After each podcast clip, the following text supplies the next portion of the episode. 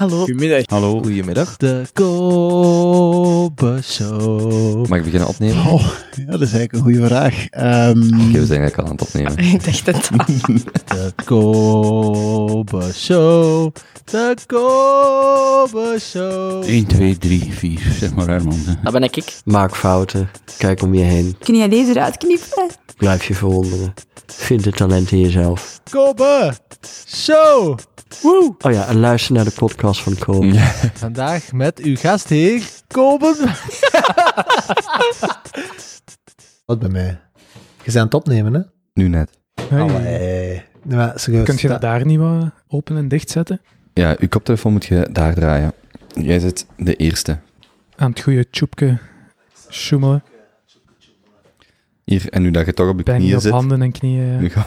Nee, het is serieus. Het is echt serieus. Echt waar. Wat had hem nou weer voorbereid? Ah ja, die boeken. Oh, sorry. Twee Ja. seconden op mijn knieën. Ik heb twee op mijn gekregen. Dat is te gemakkelijk, Jezus. hè? En je krijgt nog dingen naar je kop geworpen. Als dit komen? Dat is, eh, Standaard boekhandel. dat is iets wat ik, eh, weet je nog, in de vorige ja, ja, ja. eh, aflevering beloofd heb. Wat, wat was dat bij u? Oh, Vijf? nee, ga je- ga vijf? je- Je, je had 5 euro Ik wil eens alles niet open laten gaan. Hier staat 20. Oké, ja, dat is goed. 20 euro, komen. Ik heb 25 euro. Bij mij staat er met liefde en een halve stijve. Ja, dat staat bij alle drie Ja, wel. inderdaad. Maar bij hem is Ik twee. heb ook 20, ja. Nee, dat is, stuk. Ik heb 20. dan Ik heb dat al gewisseld. Ik heb Dat Oh, dat is zoveel beter. Jokes on you. dan heeft, eh, dan heeft, Ja, Teun, Teun eh, content. dan heeft Teun geluk gehad. Extra boekje. Toon, je moet dat op je knieën doen. Ken- Oké, dan. Je kunt een, go- Oké, een schone strip opmerking extra eigenlijk ook. kopen. Wat, hè? Ik kan een schone strip extra Maar kopen. dus jij hebt die van 25 Ik euro? heb die van 25. Ah, ik had dat nog niet eens door. Ja, was ze gaan dat. Ah, schitterend. Binnen prijtjes voor niks. Maar dus, nu hebben jullie wel ehm, allemaal een, een eh, boekbon. Dank u, Kopen. Dank je, Kopen. Dat was nog eh, de afsluit van eh, de kerstspecial ehm, en, eh, van, van vorig jaar. Van Dus dat is een 2020. bonus, dat is een bonus voor het afgelopen jaar, of wat? Voor geleverde diensten. Dat is, uw, Vele harde uren aan noeste verbale arbeid dat wij hier gepresteerd hebben. dat, 20, is, dat is uw vergoeding ja, 20 Ja. euro. Ja. bovenop de vriendschap die onbetaalbaar is. Ah ja. Allee. Mooi, Toch? hè? Prachtig. Doet hem goed. Toen hebben uw ouders al naar de kerstspecial geluisterd, samen in bed. Eh, ja, die hebben, die hebben ondertussen al geluisterd, ja. Ehm, ik ga toch nog eens op mijn knieën zitten om de, de koptelefoon iets zachter te zetten. Mm, Maar ehm, Zeker even goed als bij mm. ze, mijn ouders lieten mij weten dat ik na deze kerstspecial ehm, Stik hem in de juiste. zeker niet meer minister of president kon worden.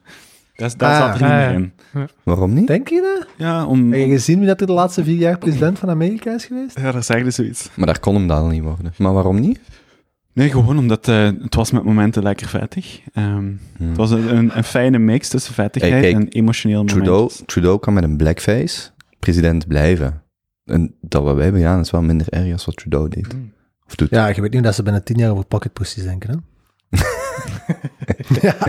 Kunt je niet voorspellen. Ja. Hetzelfde geld. We hebben daar geen beelden van. Dus je hebt nog zo, hoe heet dat? Ehm, plausible deniability. Ja. Dat was ik niet. Dat was mijn broer. Maar oké, maar we zijn het er wel allemaal over eens dat de mogelijkste pocket pussy zeker van toon was, hè? Mhm.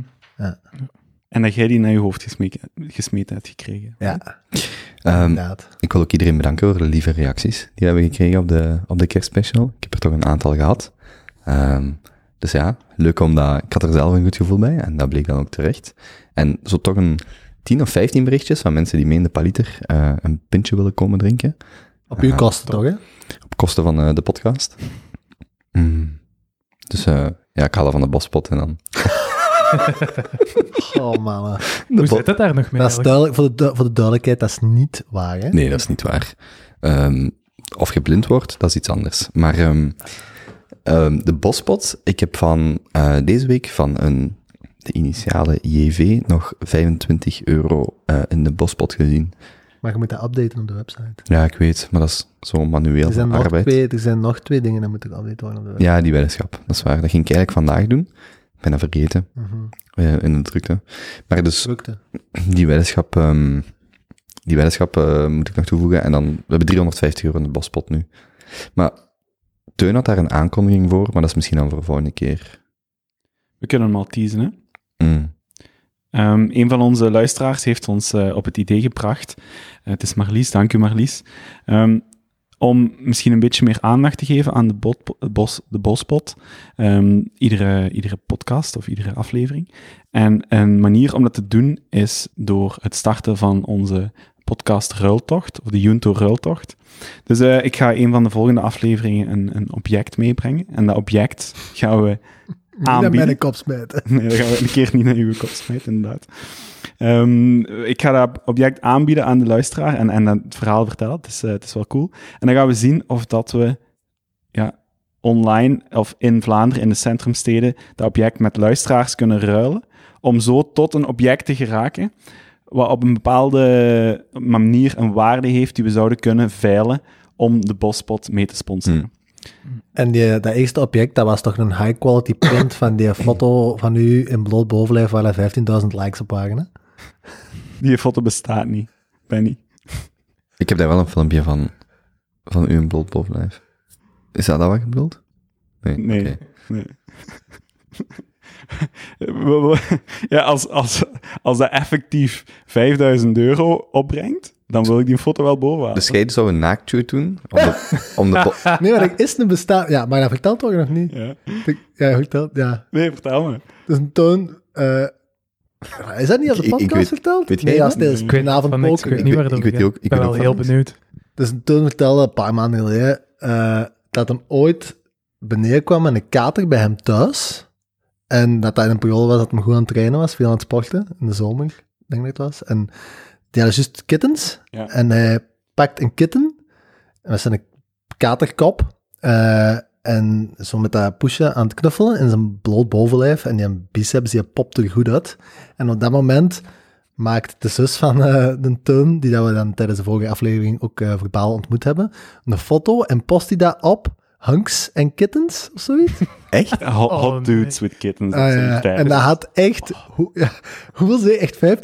la- Nee. 13, 13 denk ik. Ja. Dat, wacht, is dat een subreddit? Of, of is Nee, nee, dat is een zo'n Instagram? Instagram-pagina. Dus dat is nog Ik- te vinden En ik het geloofde dat niet. Ik geloof dat niet. En een week later zo stuurde dat door. Echt? Ja, dus 13.000 likes. Oh, dus, dus daar een high quality print voor. Van. Dat zou ook in de bospot kunnen rondgaan. Allee, in We kunnen die, die kunnen we alvast ook veilen. gesigneerd. Ja, die kunnen we Gesigneerd. veilen. Die kunnen we veilen. En hij komt hem persoonlijk afgeven. Maar ik wil echt wel een, een biedingsstrijd. Hè. Ik, niet zo één. Hè. Ik wil dat mensen dan tegen elkaar opbieden. 12 euro. ja, nee, maar we moeten hem dan ook... Dat is dan, dan gaan we hem gewoon heel goed moeten omschrijven. En dan moet daar... We kunnen die foto toch eens delen? Nee. Nee, maar die staat, niet. maar die staat op Instagram. Mm, die- Als je, als je goed begint te zoeken, kun je hem vinden. Ja, maar ik heb tijd en skills. Maar, maar mogen we die niet delen? Ik zou dat Dan- niet doen. Dat ik, denk dat dat, ik denk dat dat juist voor de persoon die dat erop biedt, eigenlijk de, de Ah, zo, privilege ja. heeft om hem echt als eerste te zien Hmm. en geleverd te krijgen. heb, In je die kader. heb je die originele foto nog? Oeh. Dat weet ik niet. Misschien mijn zus. Moet ik echt gaan zoeken. Oké, als je die wilt zoeken, dan zou je die zo'n hoge kwaliteit kunnen afprinten. Groot formaat. Levensecht. Ja, zo een kartonnen bord. Zo. Ja, ja. Nog beter. En hoe gaan, maar hoe gaan ze daarop bieden? Mm. Online ergens, dat bestaat al zeker. Ja, of, of als, als mensen nu al zoiets hebben, ik wil daarop bieden, stuur mij gewoon een mailtje, hi.kobe.show, en dan zal ik het met jullie delen. Eh, desnoods, we, we vinden wel iets. Of ik zal het hoogste... Alles vermoeden met de- ja, jongens. Hey. mooi. Ik vind het mooi. kunt je je voorstellen dat je ooit premier wordt en dan zegt iemand, weet je nog die keer dat je je naakt bovenlijf voor een bos hebt geveild? Dat is wel leuk. Dat is toch mooi? Maar ik zal op de website, ehm, ehm, op dejunto.be, dan erbij schrijven wat het hoogste, het hoogste bod is op, ehm, ja, op die foto van u. Maak gewoon een nieuwe sectie, de bieding, op de sectie Bospot. Sectie gewoon, met CTIE. Ja, op de Bospot gewoon een nieuwe categorie of een toevoeging, de biedingen op. eh, Ja. dan Ja, als, als dat niet te sexy is. En in de volgende podcast gaat iemand hem dan in alle detail en leuke dan, woorden dan moeten we die wel, beschrijven. en want ik heb die ook nog niet gezien. Dan moeten we die wel mooi beschrijven, zodat... eh, Oh, maar ik weet, misschien moeten we zien dat Jozef ook de volgende keer terugbij is en dat die dat omschrijft en dat dan Hmm. daarna X-Rated University begint. Alle jongens. En heb jij een sixpack of zo'n eightpack op die, op die foto? Daar zit de kat dus voor. Het is echt zo een... Het is, daar zit de kat voor. De kitten. Oké. Die zit voor me. Maar dus, wacht, even recapituleren. Ehm, en dan moeten we elkaar misschien voorstellen. Ehm, Hier is hem. volgende keer... Ah, ja, ja, het is zo. bedoeld, ja. Dames, daar moet op geboden worden, hè? Wel ja. Ehm, maar het... eh, Daar en moet, heren, en heren. daar moet meer dan op geboden worden. Pardon? Daar moet meer dan op geboden worden. Ja. Oh, jeez. Ehm, dus we gaan dan dat starten. Ja, de ruiltocht. Dat is eigenlijk... Nee, we gaan, de biedingen zijn eigenlijk gestart. Bij deze. Bij deze mogen we al beginnen bieden. En als we de druk echt hebben, dan zullen we hem nog eens heel goed omschrijven. Maar je mocht eigenlijk al beginnen bieden. Oké. Maar gaan we daar niet echt iets van maken? Dan gewoon nu te zeggen, we zetten het online en dan mag iemand dus mailen. Tijdens een live podcast Bedoelt je een, een, een web, iets online? Of wat bedoelt je? Ja, gewoon tijdens, tijdens een live podcast of dat, dat mensen kunnen inbellen of zo. In de plaats van gewoon te zeggen, een mailtje te sturen. Ja. Dat is toch een... eh, Ehm, We gaan er nog eens over het gaat nadenken. hier wel om de foto van het jaar. Dus eh, Ja, we gaan er nog eens goed over nadenken. Off the record. En dan, maar het, het zit eraan te komen, dus eh, Ja. begint die spaarcenten dan maar te Ja. Nee. nu, het is wel handig om zo te weten wat is de hoogste bieding tot nog toe. Dat mensen zo'n referentiepunt hebben. dat is waar. Hmm. Oké, dus daar. En dan gaan we ook de Galtalk beginnen. Hè? Yes. Dus dit jaar, kwestie dat we met een positieve noot starten, gaan we een sprintje trekken voor de moeder natuur. Ja. Ze heeft het nodig. Dus als je zo wilt dat een van de Junto Boys met mondmasker aan uw voordeur staat om een objectmenu te wisselen, kijk dan al eens goed rond in uw kamer wat je eventueel kunt missen. En eh, op een van de volgende afleveringen mogelijk wilt ruilen. Mhm. Het eerste ding dat we gaan geruilen, gaan we nog niet te veel over kwijtgeven, maar het is een instrument. Dat kunnen we misschien wel zeggen. Hè? Ja, het is een Het muziekinstrument. is een muziekinstrument. Hmm. Daar gaan we volgende keer mee beginnen. Van Junto Boys naar Junto Toys. Ehm, Mooi Kobe. die foto? Ja, oké. Ehm, Moeten we elkaar nog voorstellen of niet? ja? Zijn we niet al een half uur bezig ondertussen? Ehm, of, of doen we elkaar snel? Eh, onszelf. Zo, ja. Doe maar. ja. Start. Ach, doe jij gewoon. Doe jij maar. Oké. Jonas is... eh, eh, aan mijn rechterzijde zit eh, Jonas Jansen. Goedenavond. Wacht, wacht hoe, hoe lang of hoe kort moet ik het maken? Kort. Oké, Jonas. Wacht, zo. ASL. Eh, Jonas, 28, Yes. man, Of van het ejaculerende, ejaculerende type. Eh Kesselo, Leuven. Bijna. Oké. Werkt in Antwerpen, maar vanuit zijn thuis. Ja, vooral veel in Overijssel tegenwoordig. Oh, ja, juist. Uh, Overijs. Misschien een heel korte relatie met u. Voor nieuwe luisteraars. Ehm, eh, Jonas is een van mijn oudste maten, ondertussen meer dan een decennium lang. En eh, wij hebben, ehm, ja, eigenlijk van, een, van een, nog in de tijd van Genk Zonhoven, zagen we elkaar eh, vaak. Dus eh, een van mijn oudste maten, toen dat al voldoende is, op dit moment. Mooi. Ja. Toen eh 28. Eh, Gent. En ehm wat was het tweede? Ah, derde? Nee, ASL. Ehm ejaculerende type. En eh, Gent. Eh, werkt bij Van de Wegen. Heeft... ja, dat is het ongeveer. En... ehm ja, wat moet ik nog zeggen? Relatie. Relatie met u. Ah, relatie met mij. Ehm, ken ik van toen ik naar Antwerpen ben verhuisd, die toen deel uitmaakte van een groepje. Weet je dat toen initieel? Crypto, Crypto Boys. Crypto Boys, Crypto Losers. Crypto, nee, ja, dat was 2018. In 2017 was dat nog die Crypto Boys. En eh, daar Teun leren kennen. En eh, vorige week ontdekt dat, die, dat er wel een adaptatieproces was voordat hij mij leuk vond. Ja, maar dat is universeel, hè? Wat, ja, wat mij ook bij Ja. Benjamin brengt, want die zei hetzelfde.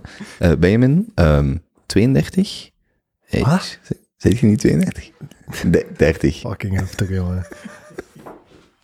Eh 30. eh ejaculerende type. En eh woonachtig in Antwerpen. Ehm, met een stevige band met Mol. Waar ik u niet van ken, maar ook van die Crypto Boys. ehm, in de Belgelei van 2016, 2017. Ja? Nog iets? Maar, beschaafd. Oké. Ja, is toch netjes, hè? Kop. Prachtig. Maar dat is omdat ik zelfs ga ranten over de corona-app, dat ik eh, nu het even netjes wil houden. Mm. Ja, en ik zelf 29, ejaculerende type, Antwerpen. Sporadisch ejaculerend type. Eh, vaker en vaker. Maar goed, moeten we, moeten we nog op voorhand iets meegeven? Wat doen we hier? Voor nieuwe luisteraars. Ik zal, dus we doen, we doen hier een Junto-bijeenkomst. En de Junto eh, zijn wij als eh, groep maten en Jozef, die dat er vandaag niet kon bij zijn. En wij bespreken eigenlijk de laatste actualiteitjes aan de hand van een vaste vragenlijst. En we maken kleine dingen groot en grote dingen klein. Oh, Er is ook een, eh, een soundboard met meer van dat soort uitspraken op bennyboard.be, maar alle informatie vind je op dejunto.be. Oké. Goed? Nog housekeeping? Eh, ik denk dat dat ongeveer is. Vraag 1. Hoe gaat het? Een hoogtepunt en of stressje van de laatste tijd? Dat is dus, ik heb gewoon de vraag een beetje geconsolideerd als basically dezelfde vraag. Ja, ik heb, ik heb misschien zo, dat sluit een beetje aan bij waar we het net over hadden, zo'n semi-oproep of een semi-publieke vraag. Namelijk, het is nu januari en ik kijk eigenlijk zo heel hard uit naar de zomer en zo het feit dat we nergens binnen gaan mogen zitten, maar ik wil heel graag met die live shows die we gepland hadden verder gaan, maar dus buiten. En ehm, ik ben eigenlijk, was er vandaag over aan nadenken, ik kijk daar echt hard naar uit, zo vanaf dat weer dat toelaat, misschien in mei of juni, om een aantal live shows te doen, dit publiek te doen, in een, in een, in een weide of zo, of de Scheldebocht of wie weet. En de vraag is, voor mensen die daar ideeën rond hebben, of een locatie, of, of iets weten, eh, heel welkom, want ik kijk daar, dat is echt iets waar ik dit jaar naar uitkijk. Maakt me niet uit of daar vijfduizend of tienduizend man is, Ehm, nee, nee, vijf of tien of dertig, maar gewoon om dat buiten te kunnen doen. Dat is echt iets waar ik naar uitkijk, en die gedachte vond ik, eh, vond ik heel aangenaam vandaag. Dus als iemand daar ideeën voor heeft, eh, of locaties, altijd welkom. Ehm, en voor wanneer zou het dan zijn? Mei, ja, maar gewoon het mooi eigenlijk, weer is. eigenlijk zo heel de zomer. Ik zou dat echt zo misschien twee of drie keer willen doen of zo, maar echt gewoon, als ik nu zie wat de reactie was op die kerstspecial, gewoon met die mensen of zo, zo eh, een aantal mensen gewoon zo samen zijn, zo terug buiten zijn. Zo nu in de winter merk ik hoe hard ik dat mis. En dan gewoon zo wat kunnen, ja, dit doen en mensen leren kennen en er een pintje bij pakken en zo wat, zo de losheid van de zomer. Daar kijk ik naar uit. Ik was er echt over aan het nadenken. In. Gewoon een meet and greet of een live podcast. Ja, meet and greet met Benjamin, maar wij doen dan een live podcast. Maar dat zijn fans ook, ook kunnen... Benjamin ging zijn debuutalbum voorstellen dan niet? Wacht, de debuutalbum? Allemaal remixes. Ja, Ah. ik heb daar niks mee te maken, maar Gal ging blijkbaar een debuutalbum bij elkaar flansen, dus go ahead. Zolang als dat de mogelijke royalties naar mij komen, is het oké. Een bospot. Ja, ja, inderdaad. Na aftrek van dit en dat. Zo en zo. Nee, nee. Paspoort, sowieso. Cool, klinkt als een leuk idee. Ja, dat was gewoon iets, ik was daar vandaag, ik werd er echt warm van. Dus eh, Heb ik ook stressjes? ja, ehm, ja, de corona-app. Ik heb vorige week een eh, coronatest gedaan. Die was eh, negatief, maar ik zat al twee dagen in mijn app te wachten. En die werkt dus gewoon niet. Dus mijn Nog resultaat... altijd niet. ja. Nog al, ik heb vandaag nog gecheckt. Nog steeds niet. Dus op kozo.b ben ik dan ingelogd. Maar ik was echt in de verwachting of de veronderstelling dat dat via mijn app zou gaan. Omdat ik contact had met een risicopatiënt. Die zat er ook op te wachten. Terwijl eigenlijk dat resultaat was al vijf of zes uur later na mijn staalafname blijkbaar bekend. Maar dat is niet in die app verschenen. Dus die app werkt gewoon niet wat dat betreft. Maar dan is de vraag, ja, hoe kun je dat ding dan nog per se vertrouwen? Maar ik vond dat heel frustrerend, omdat je zo, er zoveel moeite voor doet, maar hij werkt gewoon niet. En ik zag het al op Twitter of op Reddit voorbij komen van de app update niet meer, zowel wat de resultaten betreft, maar blijkbaar ook andere dingen, dat functionaliteit die niet werkte. Ik heb het ook zien passeren. Ik zei dat toen als je dat stuurde, ben ik ook aan het opzoeken geweest. En En is er een reden? Is er backend, is er iets fout gelopen? Belgische developers? Ja. Nee, nee, dat is waar. Nee. Zou wel kunnen. Ze hebben Jonas niet gehuurd. en ze hebben nu dat daar ook niet gezegd dat je op de website moest kijken in de plaats Nee, dus ze geven zo een folder mee. Ehm, maar ze hebben daar zo in die app zoveel rond gemaakt van, gelijk hier ook, zet die app op, zodat je weet, als je in contact komt, het is anoniem, daar ging heel de discussie over, van het is anoniem en dat je weet, je hebt een hoog risicocontact gehad en ga je testen. Hmm. Maar wat ik dan zo wat de belangrijkste functionaliteit vind, maar dat werkt gewoon niet. Dus, je, dus die registreert gewoon niet. En dan denk ik zo, ja jongens, als, als dat niet werkt, ja, hoe kun je dat mensen meekrijgen in dat verhaal? Maar dus wel een stressje gehad, omdat je dacht dat je positief werd. Ja, ik ben, nee, ik was vrij zeker dat ik het niet had, maar die persoon vroeg dat en die zei, ik ben een risicopatiënt en dan heb ik de test laten doen. Want ik ben zo al, ik denk drie of vier weken zo wat, dat mijn neus zo wat verstopt is. Hm. Maar dat leek zo van, maar ja goed, dus het was negatief. Maar die app werkte dus niet. En dat was vrij frustrerend. Maar dat is gewoon... Ik denk dat dat een van de grote uitdagingen is van België. Hè? Op het moment dat die verschillende lagen moeten met elkaar gaan beginnen communiceren. Je hebt daar ergens developers zitten. Het is blijkbaar een vrij kleine blad die dat hier ontwikkelt. Maar dat is geen Sano, hè? Dat de app ontwikkelt, geloof ik. Nee, nee, je hebt de developers en je hebt dan de mensen die dat de data erin steken. en dan heb je de artsen die dat, daar- of de, allee, hoe dat, dat dan Mhm. werkt. En ja, ik denk dat daar in België heel veel misloopt. Tussen die verschillende, als de privé met de overheid en dan met, allee, ja, ik denk dat daar mogelijk het probleem zit. Denk in overheidssoftware in het algemeen dat daar wel het een en ander kan misgaan. Dat is letterlijk een, een bodemloze put waar je gewoon geld in kunt blijven schuppen. Het heeft een jaar of twee jaar geleden ook nog in de krant gestaan van eh Ipto, die zo de softwareontwikkeling voor de NMBS doen. Ja, Dat daar letterlijk gewoon, dat is daar een sport om projecten een beetje gaande te houden. Ik ken iemand die daar consultant was. Echt? zei, Oh, nee, zegt me niks. Eh, dat die daar gewoon alles gaande houden. En dat is maar een kwestie van bij te vragen en het geld blijft binnenkomen. dat meen Dat ik is ook niet. wel leuk. Ja. Ik denk in het algemeen wel eens met consultants. Ja. En dat komt, maar Ja, dat maar komt de wel, overheid met, dan, hè? met overheidsbestedingen. komt ook wel van Ja, maar- zeker. Consultancy in het algemeen. Maar een consultant moet ook zichzelf verkopen, dat is niet zo erg. Maar als dat structureel is... ai. Tuurlijk, maar je wilt in principe nooit dat je project volledig is afgerond, want Maar dan nee, kun je dan facturen je meer doet, als consultant doet je je job goed als je kunt blijven factureren, hè. Niet als je... Allee, Ja, wel- dus je wilt extra projecten openen en, en, en nieuwe uitdagingen zoeken of nieuwe problemen creëren die dan opgelost moeten worden. Maar bij de, bij de NMBS, daar kunnen de, daar, allee, hoe, die, die zeggen gewoon, ah ja, we hebben nog werk, we- hier is nog wat werk, we moeten Ja. nog wat fine-tunen, we moeten versie 1.8, 8.7, 6.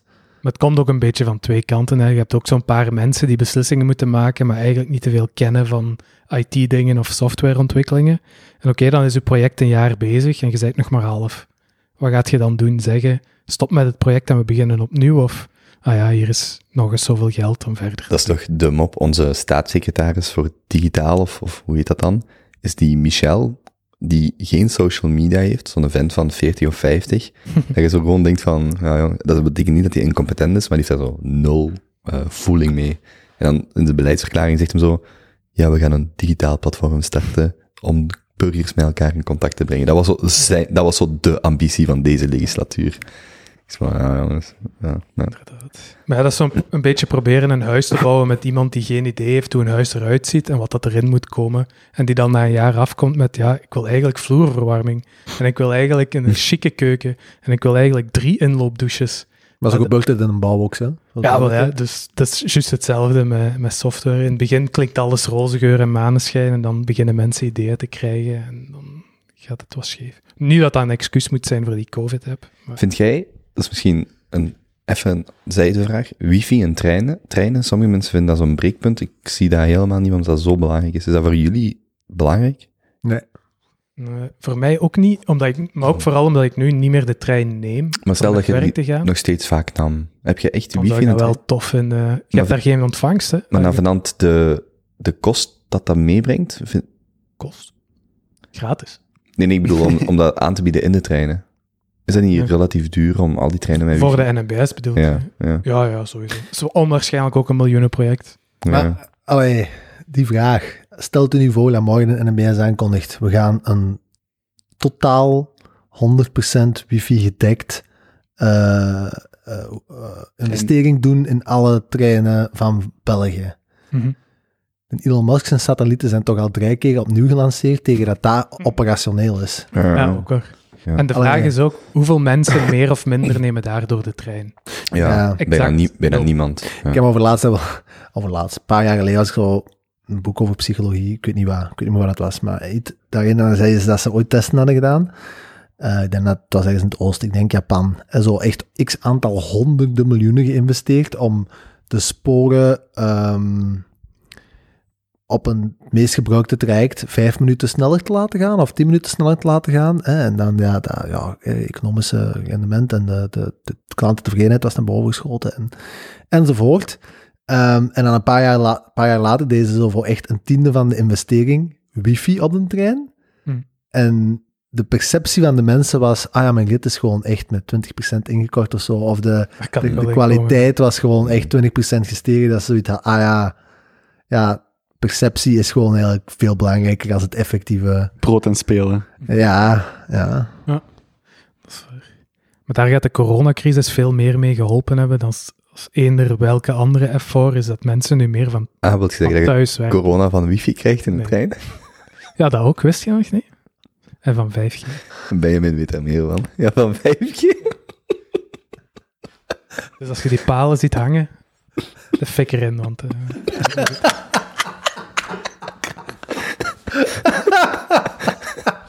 Au- Autoband er rond. En ja maar we zijn niet serieus, dat is toch geen, Ja. dat is toch geen toeval. meningen op deze podcast zijn slechts meningen en geen... Kan toch niet? Vijf dan Saar Vlamingen met podcast zet ik- ik mensen aan om vijf keer palen in de fik te steken. Een paar weken zo foto's van ons die dan uit ons appartement worden gesleurd.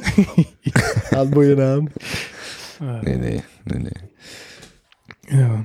nee. Oké, ja. ja. ja. Heeft er iemand hier eigenlijk echt last van dat thuiswerken? Want jij, bij u valt het nog mee, denk ik, Benjamin. Ja. Hm. Ja, ik zit, ja, ik zit in een bouw. Hè. Je kunt geen eh, huizen bouwen, dus ik moet nog vrij veel op bureau zijn en zo. Ik vind dat maximaal thuiswerken heel moeilijk. Alsof je, als je echt elke Ja. dag moet thuiswerken, ga je niet zo het perspectief om, om alles maar één dag of zelfs een paar uur. Dat zou super moeilijk zijn, denk ik. Ik hoor ook wel van mensen dat het echt zwaar begint te Ja. worden. Hetzelfde. Ja. Het is wel heel cool dat het helemaal omgekeerd is. Hè. Vroeger was het de facto kantoor met, u- en dan af en toe thuis. En nu gaat dat gewoon de facto thuis worden met af en toe kantoor, wanneer je er behoefte aan hebt. Maar een jaar geleden was het, ik heb behoefte om thuis te zijn, of ik moet naar de tandarts of, of thuiswerken of zo. En nu wordt het, ik heb behoefte om aan mijn kantoor te zijn, om mijn collega's te zien, of voor een bepaalde meeting, of een, of een verkoopsgesprek of zo. Dat dat wel helemaal geswitcht is en lijkt, en ook niet gaat terugkomen, denk ik. Nee, die kantoormarkt, dat gaat... Je zou dat moeten kunnen ombouwen naar appartementen, hè. Ja, dat, als Ja. daar nu eens een goed product voor zou ontwikkeld worden, dat je zo heel gemakkelijk een paar muren zetten en dan zo één, één volume dat je er gewoon moet inzetten op heel korte termijn, dat je een woning hebt. Maar dat is een fijne markt om in te stappen, want de, de huidige spelers zijn daar niet zo ver in. Dus je kunt gewoon eh, Ik heb gehoord dat er allemaal pisjes zijn, die huidige spelers. van die bio- bio-living gasten. Nee, nee, nee. nee. Ja. Ja. Ja, Hebben, hebben jullie hoogtepuntjes, stressjes? Voor veel mensen is zo naar de supermarkt nog altijd wel een hoogtepunt, hè. Nu de lockdown, dat je niks mocht doen. Ehm, ik, zelf, wer- ik, ik zelf winkel bij eh, de Colruyt. Ehm, en nu heb ik er niks beters op gevonden. Om zo de, veel kassi kassiers, er moeten echt gewoon ook veel harder werken, want iedereen is massa's aan het bakken en aan het koken. Dus nu heb ik er niks op, anders op gevonden om die mensen hun dag eigenlijk blij te maken. Door alle barcodes, zoal schranksgewijs, allemaal boven elkaar te leggen. Dus daar hou ik mij mee bezig als ik, als ik aanschuif naar de kassa. En het is heel grappig om die mensen hun gezicht aan te zien. Als je ziet dat die echt gewoon als met een mitraillet alles kunnen pakken en mijn kar is gescand. Dus dat vind ik wel leuk. Dus dat is eh, een van mijn hoogtepuntjes. Optimalisatie. Dat is mooi. wel mooi, ja. dat is wel mooi. Heel tof. Hmm. Zalig. Als alle Colruyts in Vlaanderen nu plots zien dat hun bezoekers al hun barcodes beginnen te, sch- te schikken, dan weten ze jij, factuur. ja, dan weten ze waar het van komt. Maar ja, wat een idioot. Allee. Maar een Albert Heijn moet uw eigen barcodes als kennen, hè? Mhm. Dat gaat dat, hoe lang kan dat nog duren bij de? Maar ik ben altijd verbaasd hoeveel mensen dat er nog staan aan te... Met echt vijf dingen gaan aanschuiven aan de kassa met een band. Echt niet. Ik, Maar bij mij niet ik, ik weet ook niet dat dat komt, maar een van de reden vind ik dat veel aangenamer om dat zelf te kunnen doen. Oh ja, ik ook. Je hangt gewoon niet van andere mensen af. Dat is gewoon, er zit niet een of andere deesje achter de kassa. Nu die- Als sociale generatie wij eigenlijk, Ah, hè. Nee, maar die zelfbedienkassa's of weet dat, of zelfscanners, bij de Deleuze zijn wel niet zo goed. Die bij Albert Heijn gaan een stukje vlotter. Ja. Die bij de Decathlon, daar kun je nu gewoon alles in een bak gooien Ja, en alles is gescand. Maar daar zitten overal eh. NFC... NFC? Nee, Ja, chipjes. Gewicht denk ik niet. nee, nee. NFC-chips, gewicht. Mm. Ja. Ik denk dat het een mix is van beide.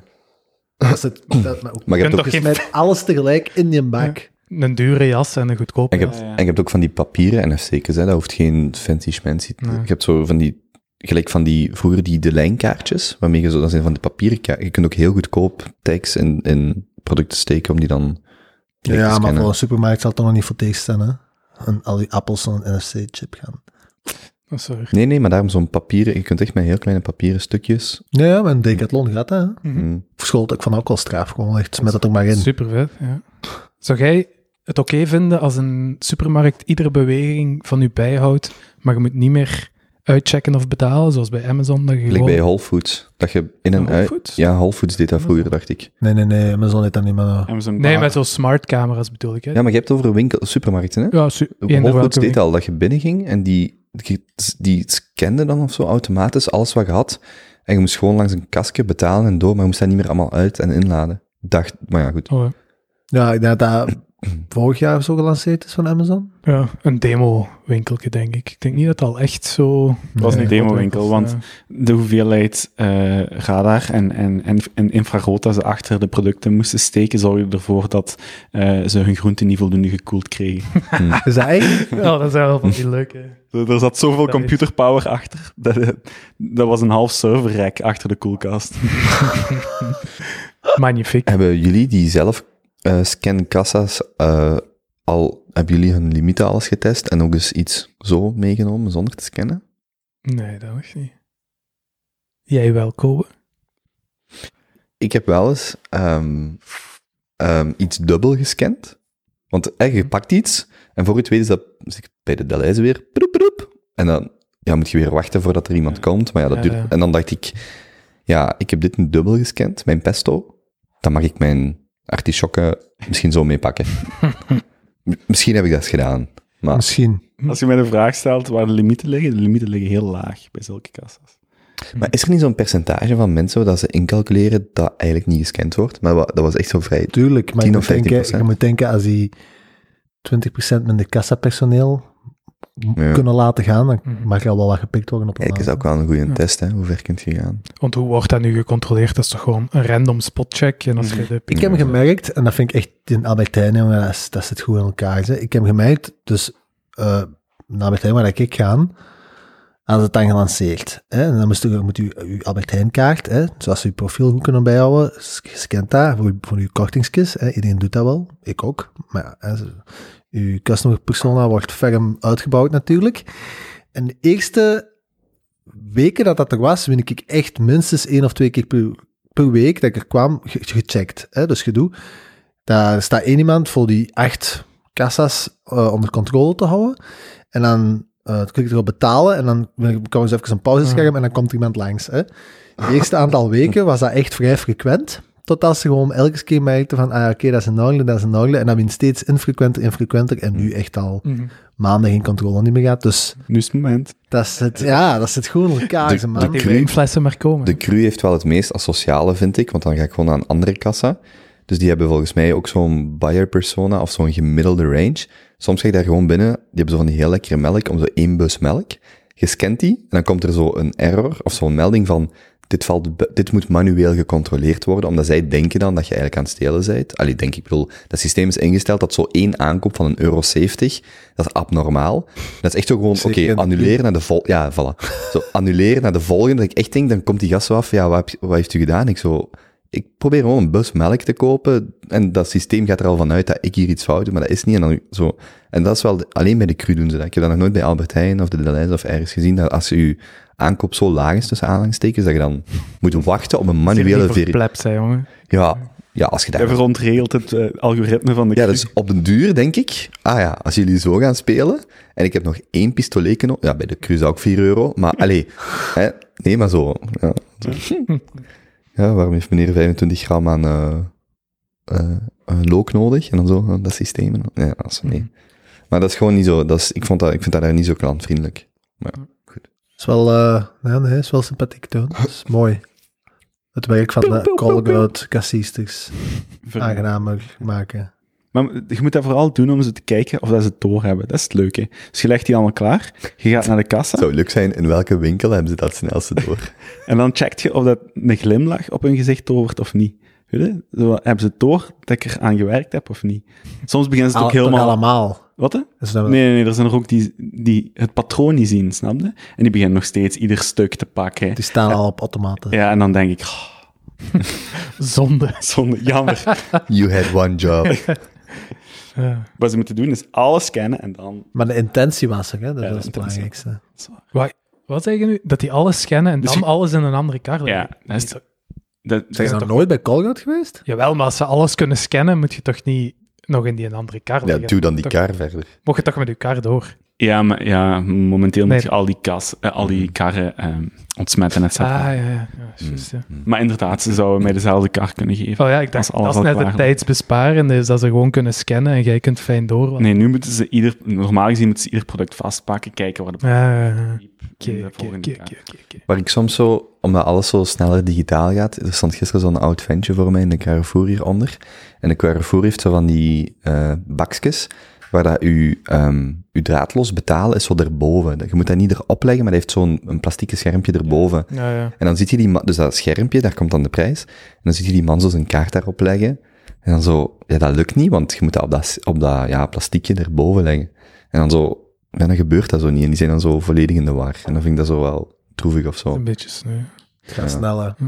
Ik was er over langs nog met iemand over bezig, maar het is mij nu, dit jaar, heel fel opgevallen. Ik denk dat ik nu minstens een half jaar, misschien een jaar, zonder cash aan het rondlopen ben. Misschien al langer, ik weet het ook niet. Dragen jullie nog cash rond? Ik wel. Briefjes? Eh, Nee. Ja, Maar veel? Wel, substantieel om echt altijd- aankopen te doen? Of, ik heb altijd 100 euro bij. Ik ben bijvoorbeeld deze week naar de winkel geweest. Om hoe laat had- gaat je zo ongeveer? En ik had... ja, maar ja, 100 euro. Nee, maar ik heb zo naar de winkel en ik was mijn kaart vergeten thuis. En dan was het wel handig dat ik, dat ik geld bij had. Ik heb altijd zoiets bij. Of, ja, ja, goed. Ik heb altijd zo 50 of 100 euro bij. Vind ik veel. Ja, ik, ik, ik zit nooit boven de 40 euro, 20 euro. Eerder 5 Ja. dan 20. Ja. Het hangt er vanaf hoeveel ik de week ervoor gewonnen heb met poker. Ja. Maar ik heb wel, ik, heb, ik, heb, ik vind ook dat je zo altijd wat cash aan de kant moet hebben liggen. Zo, ja. Nou ja, goed. Jij, Jonas? Stressje? Pleziertje? Eh, niks wat ik nog niet vermeld heb, denk ik. Het is vooral nog altijd bezig met dat huis en dat duurt zo pokkellang. hè. Al die oude instanties van banken en notarissen, dat is echt om, eh, om wild van te worden. Ook vooral geen stressje, maar heel geïrriteerd geraakt door hoe dat je notarissen moet aanspreken met hooggeachte en geachte. En hoe dat iedereen dat ook blijft volhouden in iedere mail. En dat die anders zo een beetje kortaf beginnen antwoorden als gewoon met hun voornaam begint toe te wijzen. Terwijl dat eigenlijk ook gewoon ambtenaren zijn die gewoon een post hebben gekregen via... Dat is grappig. Als je tegen een notaris zegt, hè, dus je bent een ambtenaar. dat is zo... Dat heb ik niet... oh, Dat moet ik Triggered. Ja, maar dat zijn, dat dat zijn toch geen ambtenaren? ja, Dat zijn toch... dat is een beschermd beroep door de overheid. Er zijn er maar 1500 in Vlaanderen, dan zit je toch een ambtenaar. Dan moet je toch niet flauw doen en zeggen dat je dat niet Dat gaat van Ja. generatie op generatie. Ja, ja, dat, Ja. Is, dat is beperkt, hè. Dat is geen vrij... Niet iedereen mag dat worden, hè. Nee, nee, dat weet ik, maar die worden niet betaald door de overheid. Nee, Nee, maar als een monopolie dat door een overheid gecreëerd wordt, dan zit je inderdaad technisch geen ambtenaar, maar sorry, maar dan... Ja, goed. je hebt ook niet echt je best moeten doen om daar te Is dat, niet, zitten. is dat niet pittig? Die, die ingang zeggen. Oh, Weer een Oh. loper. oh, hopla, Kunnen we niet van on, moeten we nu van boven aan de ladder beginnen schofferen? Kunnen we niet... Allee. Nee, maar, maar ik, ik heb wel Maar zo'n... als je zou kunnen, je zou ook notaris worden. Maar tuurlijk, Ah, dat is. Oh, job, jong. Dat is een jongen. officieel monopolie. Wat een rete saaie job is dat, man. Maar nee, jong, dat is toch spannend? Ik denk dat heel veel van... Ja, maar, dat, ja, maar het saaie gedoe, dat doet gaan die assistenten die zelf ooit hopen om eh, notaris te worden. Maar Nee, dat nee, is zelf maar niet. zijn dat als bij de notaris verkoop Ja. geweest? Maar ja, maar dat, is, dat valt toch allemaal goed mee. Jongen, die heel Maar je doet ook spannende dingen, Tien uur per dag, hè? Ja, beste, oké. Ja, maar dat kun je toch ook van een advocaat zeggen of zo, dat dat heel veel saai werkt. Maar Advocaat is ook echt volgens mij. Ja, ja. goed, daar gaan de notarissen, daar gaan de... ja nee, maar allee, ik heb dat echt toen... Ik zat daar en ik, zat die zo, ik zag die zo bezig, zo dat af te ratelen, en ik dacht echt, manneke, dat is acht keer per dag dat, hè? Mhm. Hetzelfde template, contractje, afrotelen, allee... Maar dan Oh. kun je van alles, dan is eh, verpleegkunde, dan is alles. eh, ik denk dat je onderschat dat daar ook wel, dat die daar heel veel voldoening uit kunnen halen wat hun werk is, maar dat dat repetitief in aard is, maar dat is toch voor bijna alles zo. Wat is niet... Leerkracht. Er zijn mensen die, die, die gaan, die worden, die vinden dat geweldig. Dan kun je toch ook zeggen, maar dat is toch elke dag hetzelfde? Maar dat is niet zo. Er zit altijd wat variatie op de mensen. En ik denk dat dat voor dat ook is. Zwaar. Nu, die een taal, ik heb ook wel eens een mail gehad en zo. U, die, die schreef op een manier dat ik echt dacht, fuck you, want dat was zo, u zal mij willen antwoorden of zoiets. Dat ik echt dacht, Ja, echt what the fuck schrijft school jij, jong? Dus ik type gewoon twee smileys terug en zo.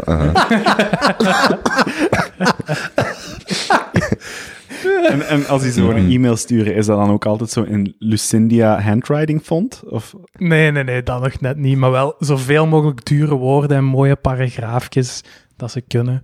Maar dat is Ja, wel een vrij zware test, dacht ik. Om, om, Maar ja, Oké, ja, ja, ja. je moet wel competent zijn. Ja. Maar waarom moet je die mensen nu aanspreken met hooggeachte en, Ja, jong. en heel die Bataclan? Mijn advocaat het ook nog. Ambtenaren? Oh ja, Dat ja. zijn- Dat zijn gewoon ambtenaren. min of meer. En daar heb jij Interview. de stresskrant gehad. Ja, omdat dus al die datums volgen een beetje op elkaar. Als je een akte tekent, dan verleidt je op een bepaalde datum en dan moet je lening in orde zijn voor die datum en je moet een afspraak kunnen afleggen voor die datum. En, En als je die dan niet aanspreekt met hoogachte, ja, dan, duurt dat nog niet twee mee. weken langer. Ja, en als je die van de bank tien keer stapelen. opbelt van is dat geen automatisch systeem, daar kunnen ze ook niet mee lachen. Eh, dus dan blijft dat een beetje bezig. ik ga eens al mijn leveranciers aanschrijven met hooggeachte, kijken of ik mijn deadlines eerder krijg. Ah, ja. ja, en blijkbaar is er een keigrote achterstand bij de banken om eh, hypotheekleningen uit te schrijven. Dus Ja, nog, ja. nog nooit zo erg, of nog nooit, bijna nooit zo erg geweest is als nu. Ik denk dat je nu 23 of 24 dagen moet wachten Hm. bij Argenta voordat je lening goedgekeurd wordt. Gewoon door de achterstand. Dus eh, de Belgen zijn een massas tegelijk huizen. Is dat, wacht, is dat aan een. Argenta-issue of een, een breder issue? Dit, Argenta specifiek, maar alle banken zitten over Ja. de... Normaal is dat een paar dagen en nu is het eerder weken. Hmm. Dat Want verkocht, man. En gekocht. Ja, jong. Dat Ja? is de enige business, of een van de enige businessen die vorig jaar helemaal geboomd zijn. Vastgoed, eh Mhm. makelaar. Kustvastgoed zelfs. Oh, Kust was het. Ook echt Ah, ja. gegaan, blijkbaar. Nou, kijk. Blijkbaar, ik wist dat niet. Ehm, iemand heeft mij ooit toegelicht, als, als ik bij een notaris zat voor het bedrijf, dat ehm, die hebben blijkbaar nog een andere functie. En blijkbaar de originele functie van een notaris was omdat er vroeger gewoon zoveel analfabeten waren, dat die, die leesde echt voor wat het contract was, zodat een boer, die dan niet geletterd was, ook begreep wat dat hem ging ondertekenen. Ehm, maar er is blijkbaar nu ook een moment, gelijk als, hè, als je een investering krijgt of gaat doen. ehm, er is een moment waarop dat het geld, waarop dat de, de, het contracten zijn getekend. Hè? Dus tussen twee partijen. Er wordt een investering gedaan in een bedrijf of er wordt iets verkocht van een bedrijf. Contracten zijn getekend. De geldtransactie is nog niet gebeurd. Mhm.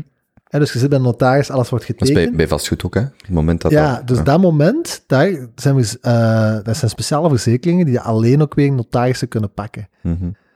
Dus dan is er eigenlijk een, een momentje van limbo, waarin dat dan allemaal zo aan de twilight zone zit, van oké, het is getekend, dus de, de eigendom is al overgedragen, maar de centen zijn nog niet overgezet.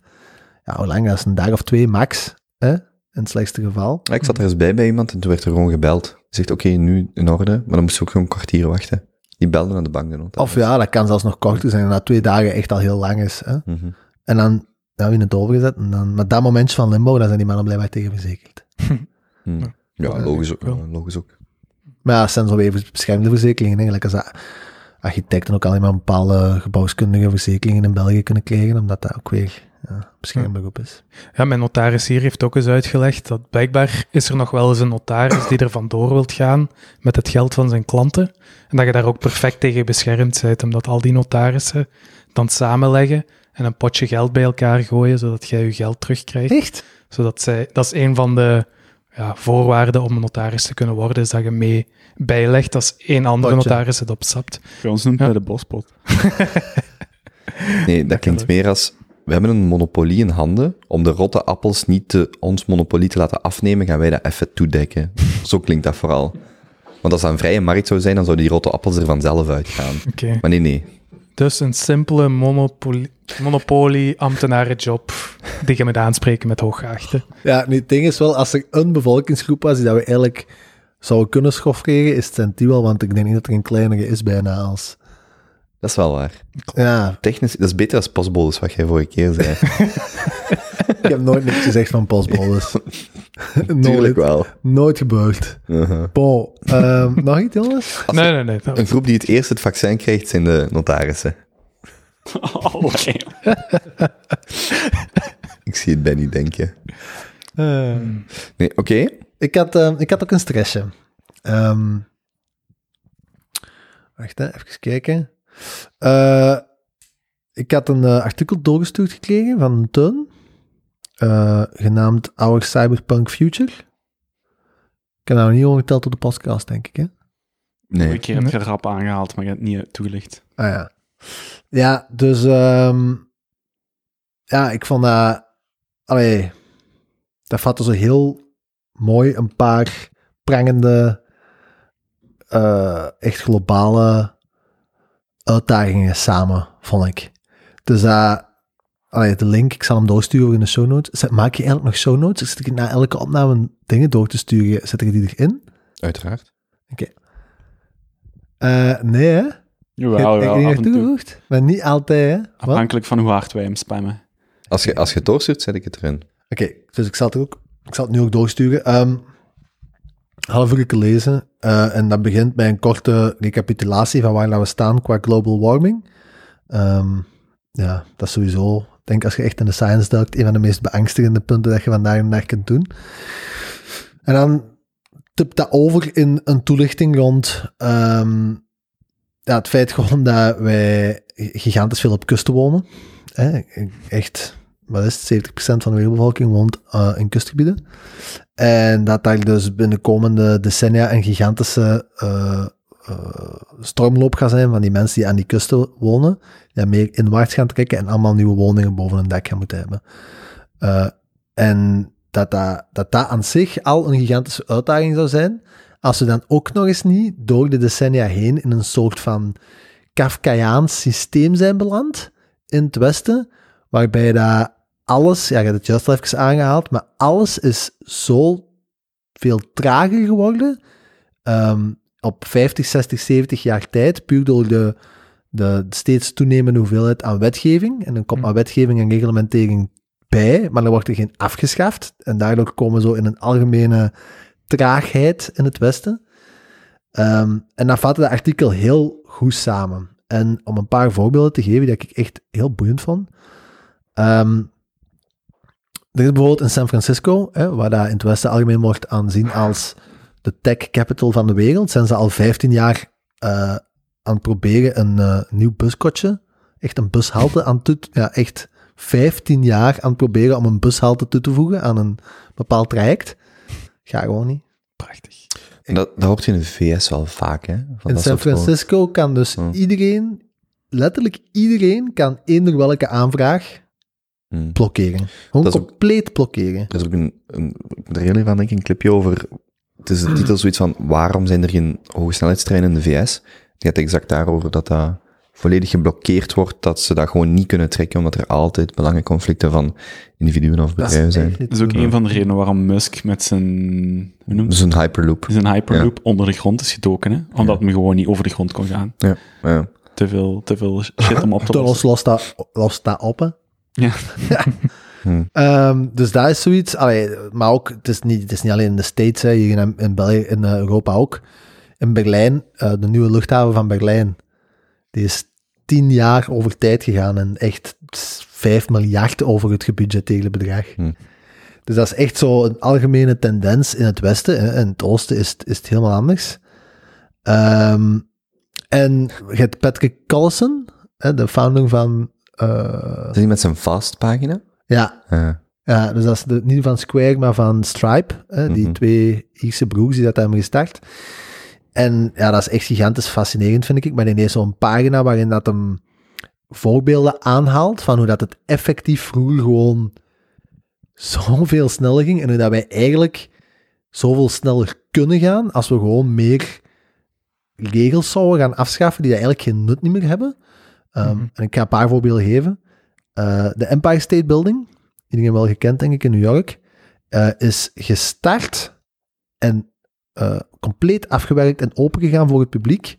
Dus van braakliggend stuk terrein tot we knippen het lintje door en gaan allemaal naar de bovenste verdieping in 410 dagen. Jezus. 410 dagen. En vergelijkt hij dat niet met de WTC Memorial Tower? Ja, Waar dat ook ja, vier, vijf, zes jaar over is gedaan? ja. Ja, ja en. In België hebben we toch de grap dat we het EK zou dan in 2020 zijn doorgegaan, in de 12 gaststeden. En België was niet in staat om een EK-stadion te bouwen. En dat had deels met Anderlecht te maken, maar ook deels dat er, er ligt dan een weg in Grimbergen, wat dan het Vlaams gewest is, en dan moet het eigenlijk op de parking C, wat dan Brussel is, en bla bla bla bla. En ze konden gewoon een stadion niet gebouwd krijgen. De vraag was niet of het niet, dat het economisch niet ging, ze kregen dat gewoon niet gebouwd. Ja, het, park, de- eh, het park hier op eh, de Zo. Zuiderdokken. Ook een jaar stilgelegen door zelf. een paar jaar, hè? Ik ben nu wel dat boek van Ringland bijvoorbeeld aan het lezen. En allee, de reden waarom ik dat zeg is, er is, zijn wel legitieme redenen om dingen te vertragen en aan te passen en inspraak te hebben. Maar dat is iets anders dan gewoon structureel niet met elkaar overeen kunnen komen of, of niet kunnen vooruitwerken. Sowieso. Nog een paar leuke voorbeelden. Ehm, ik zal nog twee aanhalen. Ehm, de Alaska Highway is gestart in 1942. Dat is 1700 mijl. Dus hoeveel is dat dan? 2300 kilometer of zo? Eh, aan eh, eh, highway ehm, is gebouwd in 234 dagen. Dat heeft British Columbia met Alaska verbonden. Dat is iets meer dan een half jaar. Van 2000 kilometer aan autosnelweg. Maar daar woont niemand waarschijnlijk. Eh, nee. Ja, British Columbia, daar woont wel wat, maar niet heel veel. En Alaska is de minst bewoonde staat van de state. Maar heb je Nee. niet het gevoel dat Voor die, voor die snelweg werd jij niet snel weg. je had Ik had echt gedacht dat wij in 2020 het dieptepunt hadden bereikt van dat soort van mopjes, maar dat gaat dus echt achteruit. Nee, hij gaat gewoon voor kwantiteit. En omwille van de kwantiteit is, komt de kwaliteit soms ook wel naar boven. Toen snapt het. Een luisteraar heeft dat vandaag tegen mij gezegd. Over mij? Het gesprek ging letterlijk als volgt. Teun, ik ga terugkomen op wat ik vorige keer heb gezegd. Ik vind Kobe toch wel grappig. Hij maakt gewoon heel veel mopjes. En ze zijn niet allemaal grappig, maar af en toe zit er wel een leuke tussen. Once in a full moon. Ja, ja. ja. Wat ik wou zeggen is, denk je niet dat de gemiddelde Europese projectontwikkelaar een beetje in zijn, in zijn box heeft gescheten toen dat ze daar in China een ziekenhuis met drone delivery portalen in tien dagen zagen Ja, opgebouwd was dat negen dagen of zo voor dat, dat noodhospitaal? Ja. Tuurlijk. Ik spreek echt professioneel. Ja, met keiveel ontwikkelaars in Brussel is dat schijnt echt. Die doet die bouwvergunning in en jij hebt eh, gemiddeld een jaar te wachten voordat je antwoord krijgt. Een jaar. Zot, hè? Een jaar, hè? Uh, Ja. Dat duurt, dat duurt. Maar bon, ik ga ene en dan, dan zwijg ik erover. En dat vond ik echt de zotste. Apollo 8. Op augustus, 9 augustus 1968 beslist Amerika en de NASA dat Apollo 8 naar de maan zou moeten gaan. Dus groot moment. Mannen, we gaan naar de maan. Op 21 december 1968 is die raket gelanceerd. 134 dagen.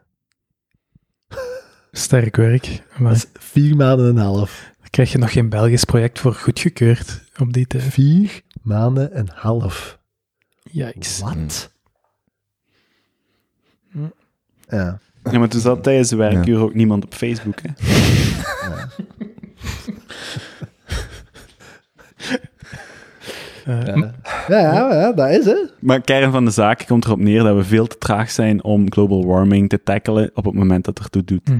Ja, of er moet gewoon een zo dusdanige druk zijn dat het wel gaat. En dat is een, een paper of een, een artikel. Artikel. Een artikel. Goed onderzocht, goed doordacht, welgeschreven artikel. En, en wat is dan de voorname co- conclusie? Is door wetgeving en beslissing door comité? Ja, gezien Musk daar soms ook over tweeten, hè. Hm.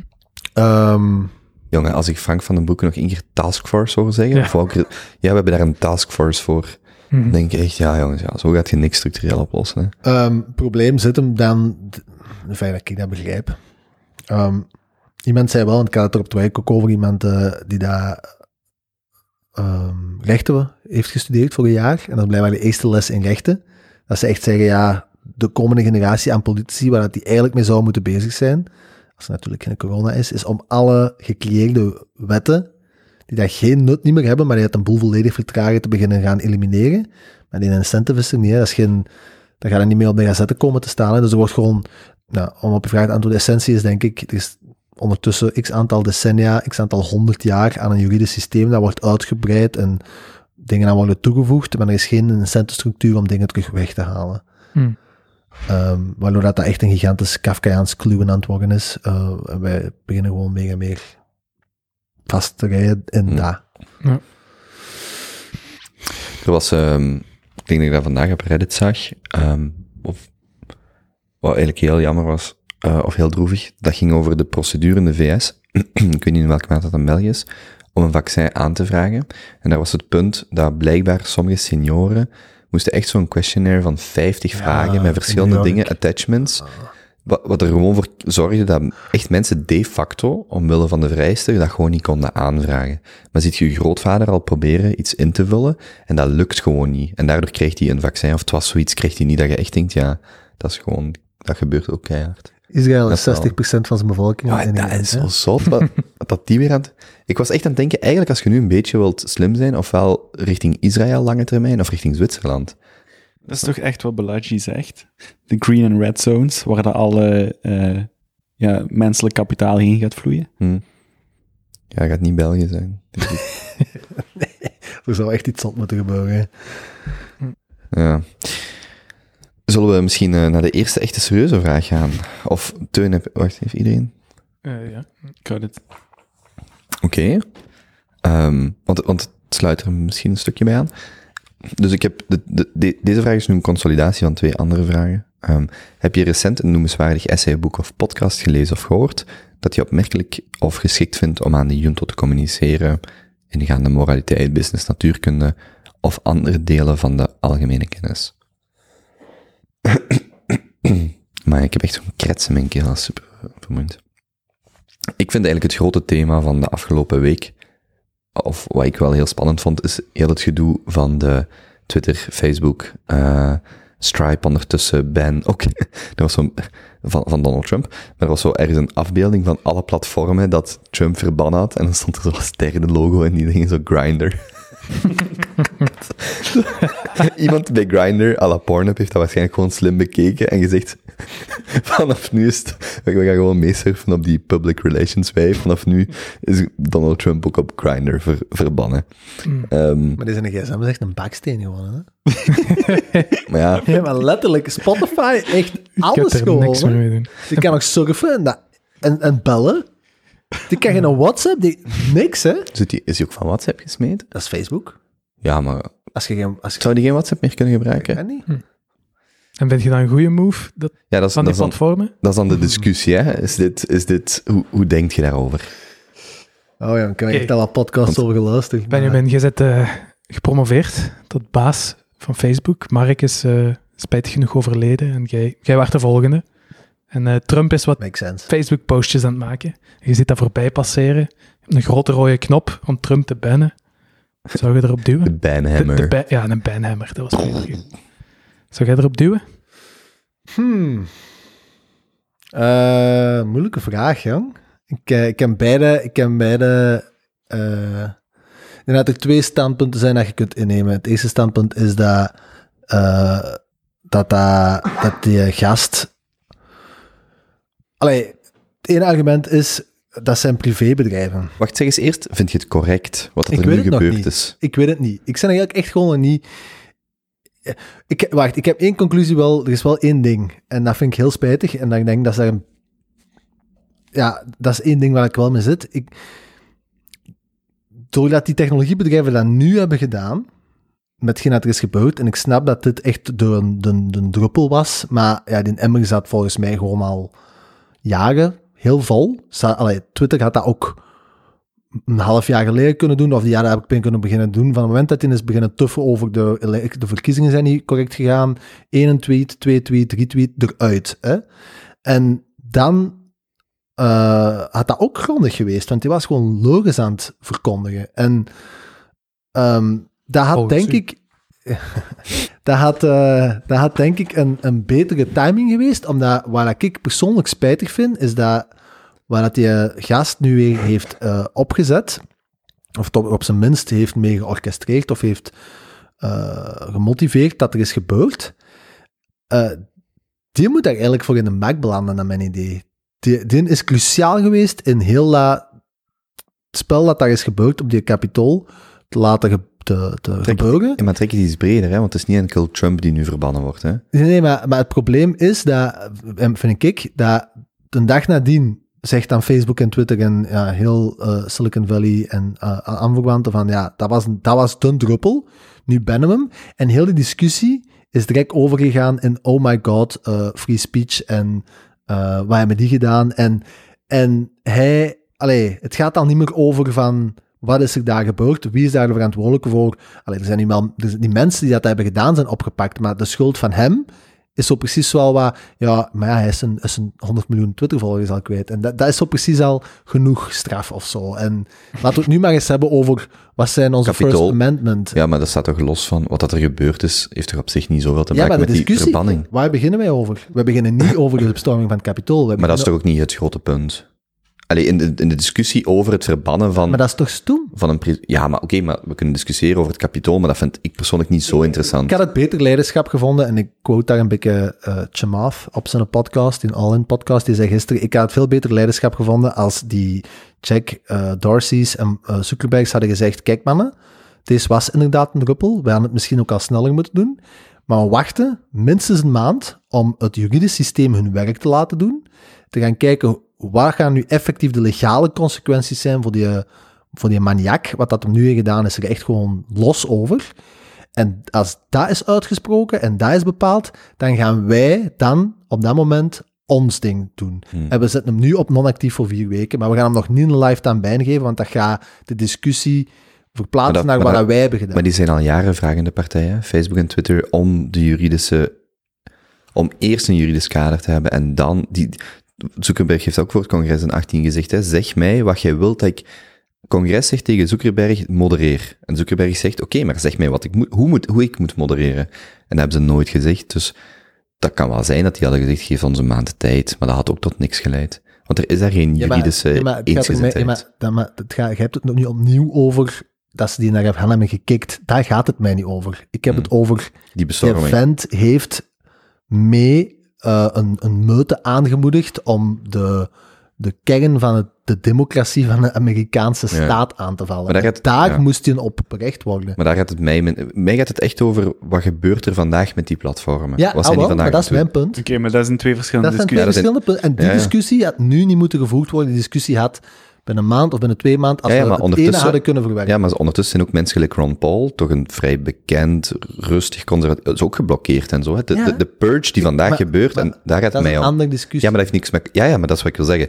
Die dingen hebben niks met kapitool te, we kunnen praten over in welke mate heeft Trump in het kapitool daar eh, juridische fouten gemaakt, maar ik ben veel meer geïnteresseerd in, vanaf nu kan elk bedrijf, van Stripe tot Twitter, eender wie kikken, die niet Maar dat begrijp ik. Oké, Maar boys. mijn- dat is mijn punt gewoon. Ja. Dus eerst Benny's in discussies. Wat willen we nog zeggen over het kapitool?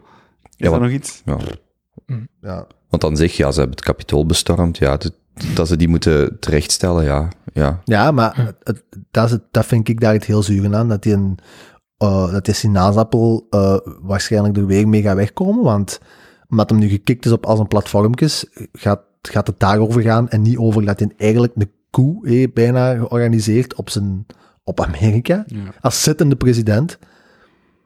En dat vind ik echt schrijnend. Die had hier nu eigenlijk echt eens consequenties van moeten voelen op juridisch vlak.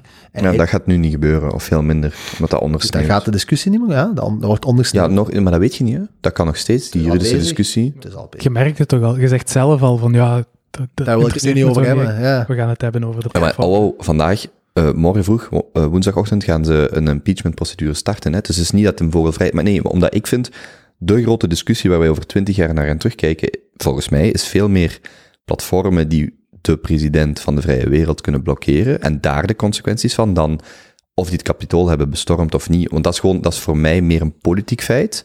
En of Trump daar verantwoordelijk voor is of niet, daar kan die impeachmentprocedure voor starten en kunnen ze zien wat ze doen. Maar dat is een, veel eerder een politieke discussie. Want als die impeachment er bijvoorbeeld doorkomt, kan die nooit nog office houden. Dus dat is vrij interessant voor verschillende partijen, los van het kapitool weer, wat de, wat de politieke consequenties zijn. Maar mij, ik ben veel meer geïnteresseerd in in welke mate kunnen bedrijven gewoon mensen kicken van platformen. En dat is een discussie die al veel langer Oké. moet. Zullen we dan naar die discussie gaan? Ja, ik, ja. nee, nee, nee, we kunnen ook over... Maar dat is zo, dat is omdat dat Amerikaans... En dat is... Ja, ik wil er misschien nog één ding over dat- zeggen. Wacht, want dat treft ons niet. Het feit dat... dat, dat Oh, joh. maar, dat, maar, was onze, maar wat, wat treft het u in uw dagelijks leven dat het kapitool bestormd is versus... Ja, je weet treft- toch wat als veilig houdt. Dat zijn niet, Nee, nee, maar wacht, wacht, de politiek ik zal, hier. ik, zal, ik zal het anders zeggen. We hebben geen leger, hè? Nee, nee, maar wat ons veilig houdt... Wat, nee, sorry. Wat, wat de impact in mijn leven van een Twitter, Facebook en Stripe, die nu de facto eender wie kunnen verbannen, is veel hoger dan die aanval op het kapitool. En dat, dat doet geen afbreuk aan Denk die aanval. niet. Denk ik echt. Allee, Ah ja, ik denk dat wel. ja, nu dat het is uitgedraaid wel. Maar daar waren paljassen tussen. Die dat, en dat is ook zo een bizar iets aan heel die situatie. Daar was zo weinig security. Als je begint, allee, daar kun je echt in een conspiracy black hole vallen van why the fuck was daar Maar waarom zo is dat weinig zo security? disproportioneel belangrijk? Stel, daar waren mannen op zoek blijkbaar naar Mike Pence en zo, hè? Ja, ja, maar, Of maar, om waarom- dit te on- ja, maar maar hoe raakt dat ons? Dat raakt ons heel toch- Europa wordt beschermd door het Amerikaans leger. hè? Ja, maar dat is toch niet zo... Ja, maar dat heeft toch niks Als, als ja. daar een senator, of ze waren met die stemmen gaan lopen, of ze hadden de vice-president meegepakt en naar, weet ik veel wat, die eh, op camera beginnen Ja, maar dat is... dingen mee, ja. dat is niet gebeurd. Maar het scheelde niet veel, hè. Nee, maar oké. Dan is heel West-Europa, wij worden ge- beveiligd door dat leger, hè. Ja, maar dat is niet ineens weg, omdat er op het kapitool iemand, iemand macht, onthoofd de, of zo. De, de, de hoofd, de patroon, is wel het, het machtvacuum dat er Ja, maar die is toch ontstaat. weg? Die is toch gebeurt. 20 januari is die toch weg? Ja, maar dit is een week geleden, hè.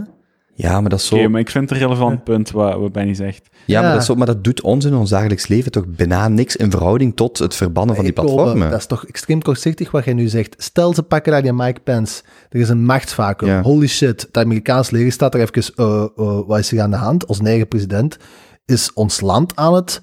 eh, en Rusland ziet dat gebeuren op CNN en die vallen hier binnen. En er is een machtsvacuum. Ja, maar wat? Hoe denk je dat zo'n dingen gebeuren? Ja, ja, Ja, maar ja, kijk, open, ja. het is een geschiedenisboek. Zo gebeuren het. Dat, zo gebeurt het, hè? Ja, ja. Ik vind wel dat je het vertelt alsof dat zo'n een volledig geregeld dat leger was, dat de ook wel kapitool niet. bestormd. Helemaal Als je die gasten wil Helemaal gebruiken om, Puur toeval dat die- Het was wel pure chaos, hè?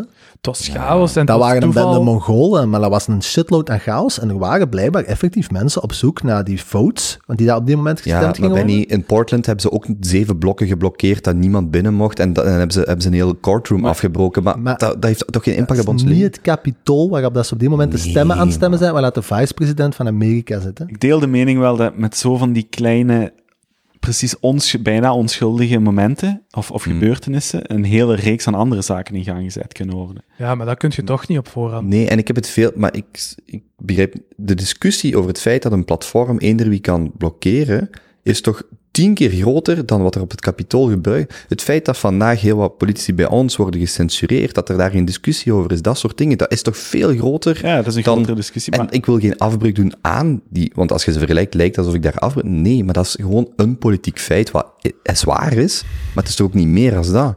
Eh, Ja, maar het Ja. was nu zo, ja, maar dat klopt nu, een, is een week later of zo, als je er nu op terugkijkt, is dat eigenlijk echt, ja, je zou er honderd simulaties volgens mij van kunnen laten draaien, en er is er maar één, of misschien zelfs duizend, er is maar één op de duizend dat dat uitdraait, gelijk als dat nu is uitgedraaid, hè. Dat er maar vier doden zijn gevallen, dat is volgens mij echt een klein mirakel, hè.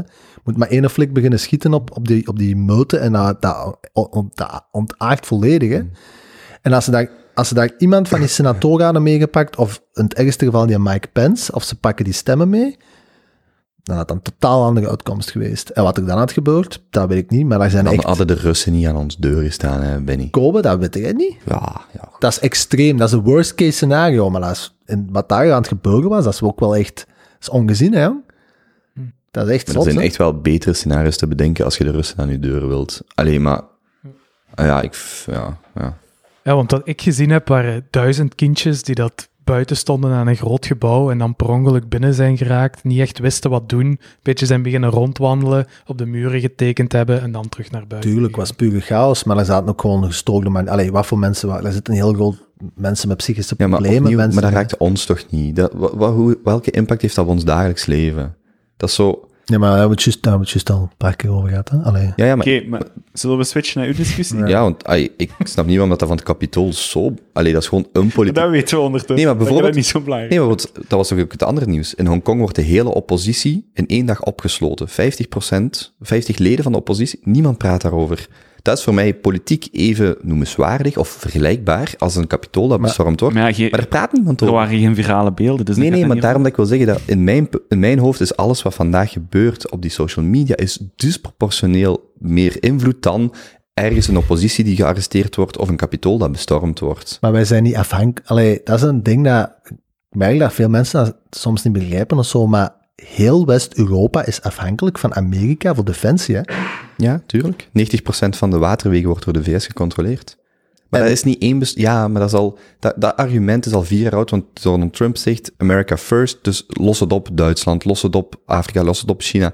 Dat is niet met één bestorming op kapitool dat dat ineens gaat veranderen. Meer zelfs Joe Biden's tegenovergestelde richting. Dus dat argument is zo... Ja, ja, ja dat zou kunnen gebeuren. Ja, mogelijk. Maar Dat is nu niet gebeurd, dus ik snap dat, hoe dat het nu staat, dat het, dat wat, wat, er is gebeurd met Twitter en met Facebook, dat dat waarschijnlijk nog groter impact gaat hebben op lange termijn. Mijn punt is gewoon dat dat ook anders kunnen uitdraaien en dan had dat wel Maar er kunnen zoveel dingen anders uitdraaien. zwaar. Ja. Toen je die beelden zag, was uw reactie dan eerder angst of amusement? Eh, Mijn eerste reactie was amusement. Van, wat is dat nu weer voor een... eh, Zegt dat niet genoeg? Dus Maar dan hoor je daar mensen over spreken die daar kennis van hebben, op, op zo'n Chamath of zo, die, die mannen die dat erbij zitten. En dan begin je daarover na te denken van, holy shit, als het daar iets anders had uitgekeerd. Hm. Als die peoples met die stemmen waren gaan lopen bijvoorbeeld, moet er opnieuw gaan, moet opnieuw gaan kiezen. Maar hè? ik denk dat dan, van de vorige topic, heel dat Kafkaiaans systeem ons wel te hulp zou springen van wie dat daar ook doodgaat. Er zijn honderd regeltjes van, ah ja, nu doen we dit en nu gebeurt er dat. En de generaal doet dit met het leger. En uiteindelijk maakt het Ja, allemaal... Dat vacuüm vind ik, ja, ja, inderdaad. Ik zie niet dat dat zo het grote punt is of zo. Nee. Dat hebben we nog gehoord. Hoezo? Je hebt het al 25 keer herhaald vandaag. Ah, ja, ja, omdat dat zo, ja, ja. Dus, de social media netwerken. Ze ja zijn nee, er ik- eindelijk dat, dat is voor mij de grote discussie. de de facto presidenten van de wereld. Ja, maar niet alleen de presidenten, dat is heel het ding. Andere eh, leden, parlementsleden en dergelijke, gelijk Ron Paul, kwam vandaag voorbij. Mhm. Die is gewoon geblokkeerd op zijn Facebookpagina. Nooit iets gehad. Die schrijft al van 76, schreef hem een, een column, dus dat is 45 jaar. Is ineens geblokkeerd, want hij zou aanzetten tot hate speech. En dat is nu aan het gebeuren. En dat is volgens mij zo disproportioneel groter. Mhm. Dat, je, dat je tot nu toe waren er een aantal gemarginaliseerde groepen die het moeilijk hadden met eh, social media, bankaccounts, dat soort dingen, zo typische pornosterren en dat soort. Dat, die, die hebben dat al 20 jaar, dat verhaal. En dat komt nu gewoon en masse. Nu kunnen ze zeggen, oké, iedereen die iets tweet over Trump of over dit of over dat is de facto wel in dat kamp. En aangezien dat ze een president kunnen bannen, kunnen ze eigenlijk eender, eender wie bannen, want het is een privébedrijf en een privé, dat hoort je dan mensen zeggen, wat ik ook niet snap. Het is een privébedrijf en een privébedrijf doen wat ze willen. Mhm. Ja, en dan, maar ja, dan kun je morgen de helft verbannen, hè. Zomaar ineens, zonder due process, weg. Heb je niet, heeft er iemand het gevoel dat die mannen hun, dus, dus Fang, hè, de, de grote jongens, dat die hun eigen doodsvonnis hebben ondertekend? Ja, dat denk ik vooral, ja. Mogelijk, dat er ja. nu veel... Ja. Het is, ik heb juist een bericht gehad van een vriendengroep in Limburg. Oké, daar zitten twee of drie technische mensen in. En die, we gaan onze hele vriendengroep overschakelen naar Zoals deze weekend al. Dus Met iedereen... Swamol. Van, het is- Hetzelfde. dat is het mooie, I guess, aan open economie. Dat is ook ja. een beetje mijn punt. Dat, het feit dat wij naar Signal overstappen, komt omwille van dat wat disproportioneel belangrijker is dan die bestorming van het kapitool. Dat is dit wat nu gebeurt. Dat gaat zo, want vandaag was er een podcast, ik denk op de Standard of de Daily, van zo het 9-11 moment. Is dit wat gebeurt, het verbannen van de zittende president, like him or hate him, van een platform. Dat gaat echt heel vergaande gevolgen hebben naar alles wat gedecentraliseerde of geëncrypteerde netwerken ingaat, maar ook naar de de- ik denk gewoon dat dat een, dat is een heel moeilijke discussie, maar dat het netto negatief is, de, wat dat er nu gebeurt. En de hele discussie van, dat is een privébedrijf, ze doen wat ze willen, Twitter, Facebook, Grindr, Mhm. dat, dan, dat, dat is een niet te houden argument, want als jij morgen de bakker binnen gaat, of dat, dat vind ik iets opmerkelijk, de mensen die daar het hardst over schreeuwen, die gaan morgen een bakker binnen, bakker zegt, ik ga je niet bedienen, want je bent een vrouw, zwart, blank, klein, groot. En dan zeggen ze, dat mag niet. Dat is niet correct, maar dat is ook een privébedrijf dat doet wat ze willen. En je ziet nu dat, omdat het Trump is, hebben veel mensen zoiets van, ah ja, omdat Trump is, is dat normaal dat hij verbannen wordt. Maar zo, ik vind dat dat allemaal heel snel gaat en dat zet gewoon de deur open naar allerlei andere dingen. Maar, Maar is het volledig die bedrijven een schuld? Allee, de wetgever zegt ook, doe maar, hè. ja, voilà. En dat is ook, een- ja, dat is ook een groot probleem. Ik kan me perfect inbeelden dat zo gelijk een Jack Dorsey, dat is volgens mij, Twitter is al vanaf het begin volgens mij een beetje voor hem een begiftigd geschenk. Zouden zijn eigen volgens mij veel liever 100% kunnen bezighouden met zo een Squareland of zo, als met Twitter. Want ja, dit is... Allee, zonder, volgens mij, en bij Facebook, met Facebook juist hetzelfde. Die mannen zijn ook gewoon in de positie geduwd. Van in ene keer moeten die eh, gaan bepalen wat, wat, wat correct is en wat ethisch fout is. En wat, het- dat is niet eigenlijk die hun rol. Hè. En zoals ik al gezegd, in die senaatszittingen hebben die ook al meerdere keren gevraagd van mannen, geef ons een wettelijk kader. En juist gelijk als dat dan met de telecom en met de elektriciteit, allee, sorry, maar zoiets gelijk als WhatsApp, op deze punt is dat toch puur gewoon een, een voorziening dat een menselijk recht moet zijn, juist gelijk als water uit de kraan en elektriciteit uit je stopcontact. En je kunt ook niet zomaar morgen gaan zeggen, jij bent een nazi-believer, dus we gaan je telefoon, eh je, kunt geen telefoonnummer aangaan of je kunt geen elektrieknummer aansluiten. Dus, ja, ja. Ik denk dat daar ook een beetje een falen is, opnieuw van een wettelijk kader, dat er gewoon al een paar jaar zou moeten zijn, maar waar daar gewoon ook de expertise waarschijnlijk niet meer zit bij de overheden. Laat staan de snelheid van executie om zo'n dingen goed te gaan uitrollen. Hè. Denk, denk ik. En dat spreekt het ook niet helemaal goed, hè, maar Dus die moeilijke Ja. mix tussen staat en privé, hè? Langs de andere kant, het is een privébedrijf. Hè. Sorry, maar als, als, jij, als jij een gebouw bezit hier in Antwerpen met een groot balkon en morgen komt daar een grote sinaasappel met een pruik op, schreeuwen van eh, die, die man die moet je in elkaar slagen en, en dat, is een lelijke, dat is een lelijke persoon, of weet ik veel wat, of ik, ik wil hier volk Ja, dit spit er van op balkon, hè. trap het eens Ben- af, joh, wat zit er op mijn balkon te bijvoorbeeld, ik weet niet wie de host is van uw website, morgen haalt hij alles offline. En stel Ja. dat dat de bron is van uw verkoop. Dat is Ja. een privébedrijf, hè, doen wat ze willen. Ja, dan ga je naar een andere, dan ga je naar een andere website hosting. Ja, maar of als de bakker een papier ophangt als je stemt op het Vlaams Belang, geen brood hier. Dat gaat toch niet? Nee, tuurlijk niet, maar dat, dat, dat is het ding, hè. Dat ik denk, daar zijn ook bepaalde wettelijke kaders voor, denk ik, dat dat niet mag, hè. Nee, maar dat, dat, dat gebeurt hier wel. Ja, maar een bakker is ook een Ja, maar, er is geen, hè. ja, maar dat is mijn punt ook. hè. Er is geen, wet, er is geen wettelijk kader voor die bedrijven. Hè. Sorry. Nee, maar daarom, ik zou dan zeggen dat ze net meer voorzichtig moeten zijn. En ik, ja, ik, ja. Maar het is ook wel echt een heel moeilijke positie om in te zitten. Gelijk, wij weten bijvoorbeeld ook niet, de FBI weet misschien x aantal dingen meer van wat daar is gebeurd in dat kapitool, of van die mensen die dat ze al hebben ondervraagd, van... Maar ga was dat van het mega- kapitool, de, de bredere discussie, want het gebeurt hier ook. hè. Ja, maar dat was nu dan de druppel waardoor dat het is doorgekomen. Hè. Je- Allee, je zit nog met twee weken met dan blijkbaar echt wel... We wisten al een tijd dat hem Maar dat niet- gestoord was, maar maar, dat is dat, niet hem, de druppel, maar dat hem nog meer Maar. Benny, de tweets waarvoor hem verbannen is, dat zijn niet, de, dat is niet de druppel. De, want dat is heel het ding. De tweets waardoor hij verbannen is, dat zijn eigenlijk, dat waren niet zo oproermakende tweets. Het is, dus dat is een, ofwel benadert je als een collectief van dingen, maar die tweets zelf zijn eigenlijk niet de reden dat die verbannen is.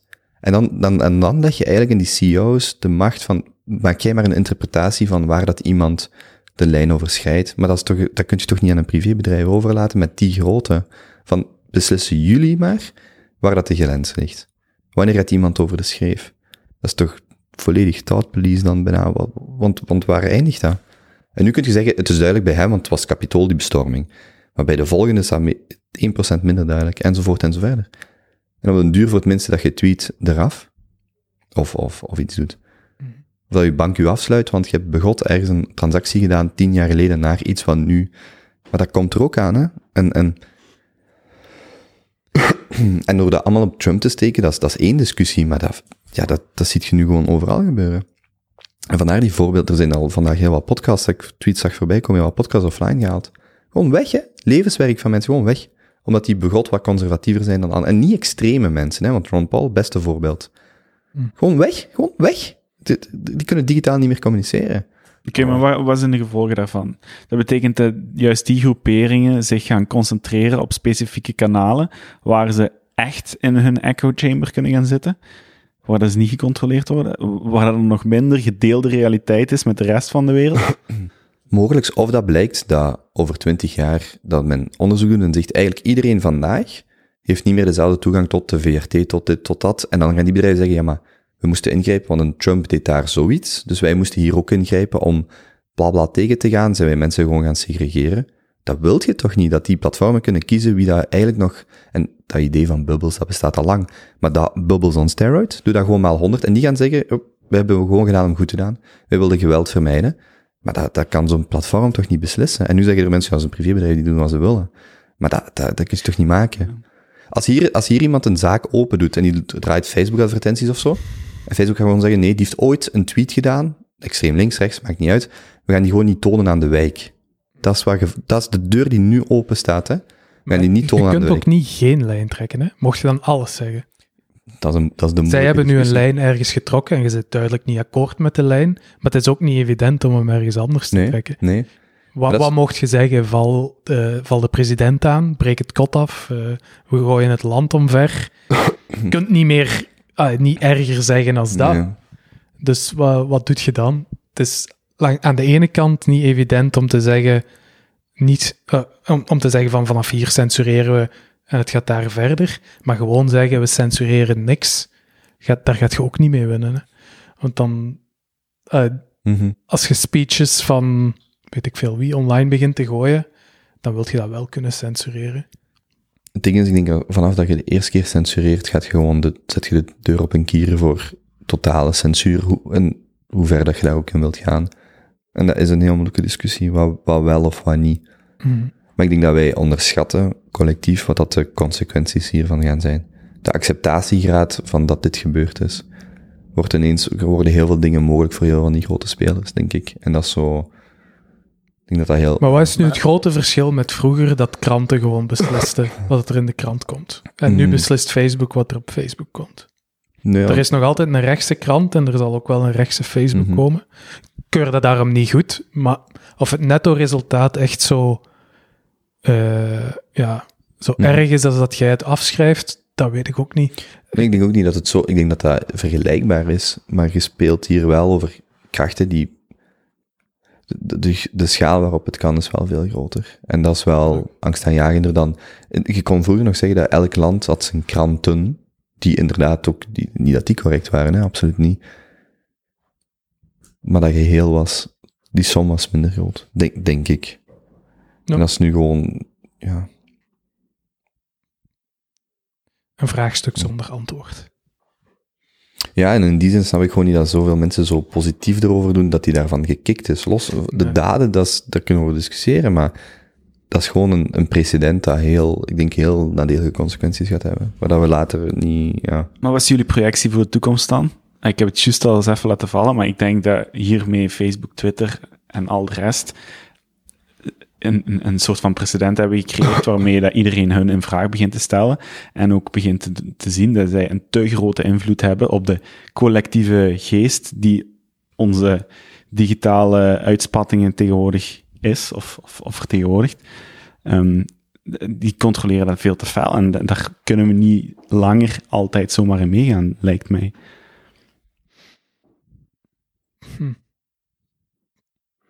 Ik denk dat die gewoon gaan opgebroken worden. Dat er al een hele tijd zat aan te komen. En ik denk dat die nu... Eh, ik denk dat dat nu gewoon heel duidelijk is geworden. Dat, dat, dat, dat, die te veel macht hebben. Gelijk als Naval tweeten, dat, dat als je de koning kunt silencen, dan zijn dat de koning. Hè? Mhm. Ik denk dat die, ook, denk dat die ook in een heel moeilijke positie zijn gedwongen. En ik denk dat dat voor een groot deel komt omdat er te weinig wettelijke kader, omkadering is gecreëerd in de laatste jaren. Ehm, maar, en, en dat is zeker niet één individu. Dat is zeker niet alleen Jack Dorsey of alleen Mike Zuckerberg die dat, dat beslissen. Hè. Die mannen zijn ook gewoon een beetje het resultaat van, van, de, van hun werknemers of van de, de cultuur dat er in zo'n bedrijf hangt. Hè. Want gelijk dat, dat, dat blok, Jack Dorsey is blijkbaar een van de grootste aanhangers van free speech en, en eh, eh, de First Amendment. Maar ja, deze bedrijf is, zit in Silicon Valley. Dat is 90, 95 procent democratisch. Al die ingenieurs die daar werken, al, al die personeel is voor 90 procent extreem links.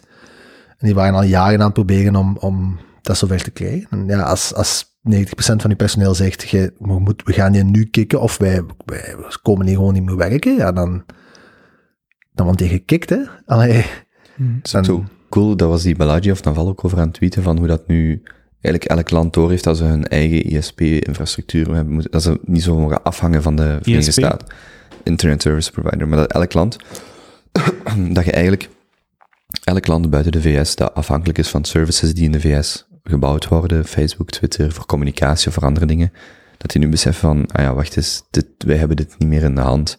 En ehm, dat ging bijvoorbeeld ehm, over niet louter waar je datacenters zit en zo, maar wie heeft eigenlijk de controle over wat dat er gebeurt. Mhm. En bij Parler was er dan, want dat was dan zo wat de grap van, op Parler was dan heel veel van die aanval gecoördineerd blijkbaar.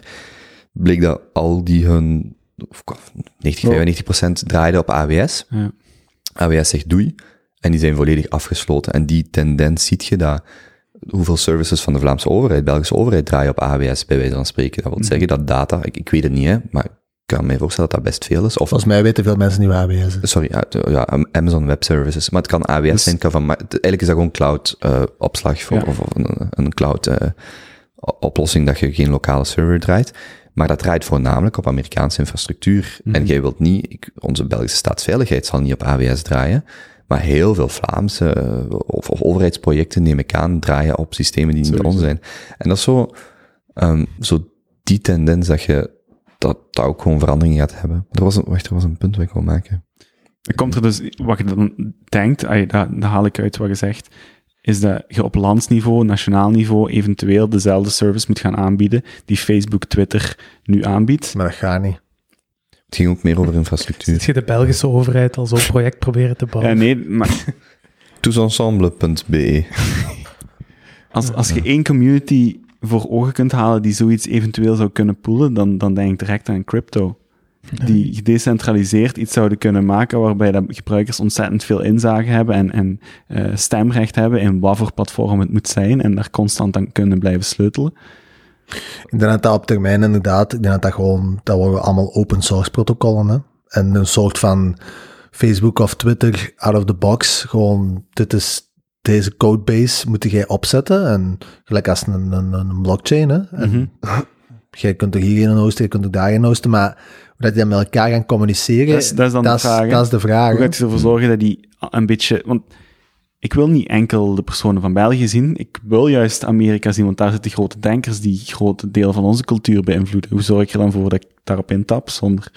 En, en ook, allee, jij zegt dat nu wel komen, maar ik denk dat dat wel een beetje een utopie is om te denken dat er totaal geen censuur dat dat een optie is. Nee, maar ik denk ook niet dat dat, dat... Maar dat is ook niet ideaal. Maar het is wel... Je moet kunnen beschermen wat van u is. En dat ligt vandaag enorm onder druk. Dat eender welke service provider, omdat het een privébedrijf is, kan u afsluiten. Van Stripe tot PayPal tot, tot AWS. En dat is gewoon een precedent dat nu heel duidelijk geschept is. Voor een heel brede groep van mensen. En ik denk dat dat een heel... Dat dan drive gaat geven naar een veel eh, lokalere behandeling of een gedecentraliseerde, of noem het gelijk je wilt. Want als ineens, gelijk bij Parler, blijkt dat, een, eh, dat AWS u volledig kan afsluiten, en dat geldt voor, voor 99% van de websites, of hoeveel draait er op AWS en, en Microsoft een, een infrastructuur, dat is gewoon een heel groot probleem. En dan ziet je mensen overstappen naar iets gelijk Signal of zo, waar dat uw encryptie of uw privacy standaard is. En zo gaat je veel meer apps zien. En of dat op crypto of op een blockchain is of iets anders, dat weet ik niet. Maar de maat waarin ze u kunnen censureren wordt, zou veel moeilijker moeten zijn dan dat dat vandaag is. Maar niet alleen Dit, dit, dit gaat met één clip. Allee, nu overdrijf ik, hè, maar elke podcast die je luistert kan volledig geband worden op één dag, hè, alsof jij nooit hebt bestaan. En dat is nu en masse kan dat gebeuren. Goed, dan kun je zeggen, ja, dat zal wel niet, maar dat is letterlijk wat nu gebeurt. En als we het met de president wel- kunnen, Het is dan niet weg, hè. Het is dan gewoon vanaf afgegooid van het platform hm, waar, waar dat gehost werd in Amerika. Er zullen nog altijd kopies zijn ergens anders. Het staat gewoon niet meer dat is waar, maar jij op weet het ook, heel populaire platform Nee, maar dat is waar. waar iedereen op maar dat is heel het ding, hè, dat zijn netwerkbedrijven. Dat, is geen, dat zijn per definitie monopolies. Dus de discussie dat het zogezegd vrij is, is heel moeilijk. Hè. Als iedereen op Facebook zit, dan kun je op een klein platformpje zitten. Ja, dan heb je daar geen netwerkeffecten. En dat is dan wel het, het problematische, of dat is dan het argument waarom dat ze dat niet als privébedrijven, maar als nutsbedrijven zouden zien, net omdat er een netwerkeffect is, omdat, omdat de consument geen vrij alternatief heeft. Net zo, met gsm's heb je dat min of meer. Dat is een goed punt wat gemaakt. Ja, maar, maar dat, is de, dat is het argument om dat als nutsbedrijven te gaan zien. Je hebt gewoon geen, al- er is geen alternatief voor Facebook, voor Twitter. De, de, de- gewoon omdat die schaalvoordelen hebben dat nieuwe, ehm, nieuwe bedrijven niet hebben. Voor een nieuw bedrijf om met iets te starten is veel duurder, is veel moeilijker, omdat dat netwerkbedrijven zijn. Dus daar is een moeilijkere discussie, maar het is gewoon angstaanjagend dat dat zo snel kan, ja, dat de snelheid waarmee je nooit hebt bestaan, digitaal, veel hoger wordt. Mhm. Mm. Ja, klopt. Ja. daar heeft dat Kafkaiaanse misschien ons wel weer mee geholpen bij de Vlaamse overheid. Want je zei veel, misschien dat veel van de overheid draait op AWS, maar ik denk niks, bijna niks. Hmm. Die mogen dat ook niet in de eerste plaats. En dat is in België en Europa in het algemeen nog iets vrij hip om in de cloud te Mhm. gaan met uw bedrijf. Er zijn nog altijd enorm veel consultants die veel geld Mhm. verdienen met we gaan uw bedrijf naar de cloud brengen. Ja, maar strategisch, Maar- maar- strategisch is het ook echt goed op, op vlak van oorlogsvoering. Het beste wat ze doen is gewoon onze AWS eh, cloud toegang toesluiten of afsluiten. Hmm. En, en heel Europa ligt plat. Ja, want, want mijn punt was ook gewoon breder. Er er draait heel veel, heel veel applicaties op infrastructuur dat niet de ons is. Of die ergens anders kan worden. De overheid heeft grote serverfarms, die staan hier in België Nee, maar ook en in privé. Ja, ja, nee, inderdaad. En Ja, privé echt? Die ook. hebben echt hun eigen serverfarm. Ah, ja, ja, zeker. Wat denk je dat al die mensen die ondertussen 50, 60 zijn en nog bij de overheid werken doen? Die zitten daar Hmm. op terminals, op serverfarms. niet. Ah, wel, ja. Die hebben hun eigen systemen met hun eigen... Ja. Hmm. Die, ik denk ook dat die dat zelfs niet zouden mogen, al zouden ze willen. Zelfs bij on- eh, een vrij modern bedrijf, Sentience, wij mogen niet zomaar uw data ergens in Amerika zetten. Hmm. Wij Mhm. zetten nu bij AWS Ierland en dat is al zo'n papieren stapel, want het, het- de data gaat België uit en dit en dat. Dus dat is, dat is echt niet zo evident. Mhm. Voor een kleine start-up met tien man, oké, dan gaat dat allemaal wel. Uh, maar zeker een overheidsbedrijf, die hebben hun eigen servers staan, die doen hun eigen Mhm. ding. Mhm. Ik vond dat wel grappig. Ik zag zo gisteren een tweet passeren van... ehm, ah ja, en nu hebben ze dat geband. Nu staat de deur wagenwijd open naar alle decentraliseerde open source projecten. Het enige dat je gaat moeten doen is een intercontinentaal datanetwerk moeten gaan opzetten met lokale serverconnecties om de pinconnectie zo laag mogelijk te houden. Eh, je gaat een compleet censuurnetwerk moeten opbouwen. Je gaat voor perfecte UI-developers moeten gaan zoeken. Allemaal gedis- Zo echt zo'n hele waslijst. Hmm. It's, it's, it's an open goal, guys. Ja. Go for it. Zo easy. En extreem veel goodwill van een hoop eh, Ja. Ja, ja, ja. Yep. Ik denk wel dat dat... Ik denk, ik denk, maar wat weet ik ervan, dat het uiteindelijk wel op zoiets gaat neerkomen. Ze. En dat zo organisaties gelijk als Signal, dat is blijkbaar open source. hè. Dat is een... een eh, allee, open source is een... Ja, denk het wel. Hè. Dat is een foundation. Ja, open source. Maar... En die zijn blijkbaar vrij open source met hun, met hun, met hun, eh, met hun, code, met hun code. Hmm. Ik denk dat ja, zo'n dat soort van netwerken. Hè. En als je wilt, kopieer het en start het op. Maar Ja, dat is waar. ik denk dat als je het op schaal wilt doen, dat het toch allemaal een pak minder simpel. Ik verschoot mijn eigen, eerlijk gezegd, echt een hoedje. Ik download dat dit weekend Signal. Ik begin die eerste groepen aan te maken. En dat ging echt super vlot. Terwijl dat echt, hoeveel volk was daar aan het aanlopen, man. Waar. Voor Signal heb je nog steeds telefoonnummer nodig, hè? Dat is, dat is het enige dat ze van u vragen. Ja. Ja. Ja. Ja, mailadres ook, denk ik. zo. Hmm. Ja, spannende tijden. Mhm. Sowieso. Ik denk dat het allemaal wel gaat meevallen. De overgang van MySpace naar Facebook was ook niet zo erg. Dus het volgende zal ook Is- wel. Is uw Pornhub al geblokkeerd? Na al die searches die dat hij daar heeft ingevoerd. Ik weet niet, wat? Pornhub? Oké. Alright. Dat was het politieke uurtje. Zouden we wel luisteraars verloren hebben? Mm. Sowieso. Hmm, ik denk dat niet. Ja, de volgende vraag is... eh, Moeten we er nog iets over vertellen? Moeten we praten over die bestorming? Nee. Voor mij is het oké. Allee, tenzij dat jij er Ik heb nog ook wat al wilt zeggen. Nee? Nee? Ja, Ik maar- ben wel benieuwd, misschien nog snel een rondje. Hoe erg denk je nu dat dit, dat dit nu echt is? Hoeveel gaan we hiervan voelen binnen vijf jaar van impact?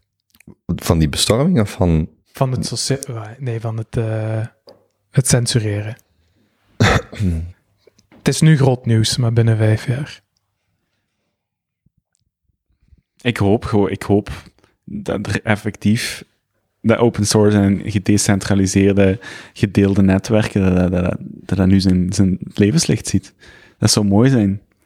Ik wil, ik wil daar wel op overstappen, maar ik heb zelf te weinig kennis om daaraan aan te werken. Maar Ja. het, lijkt het, het, het moment lijkt aangebroken. Ik denk ongeacht waar dat, dat die services meer onder druk gaan komen te staan en beter gaan moeten hun best doen. Dus als consument gaan we altijd beter af zijn. Hè?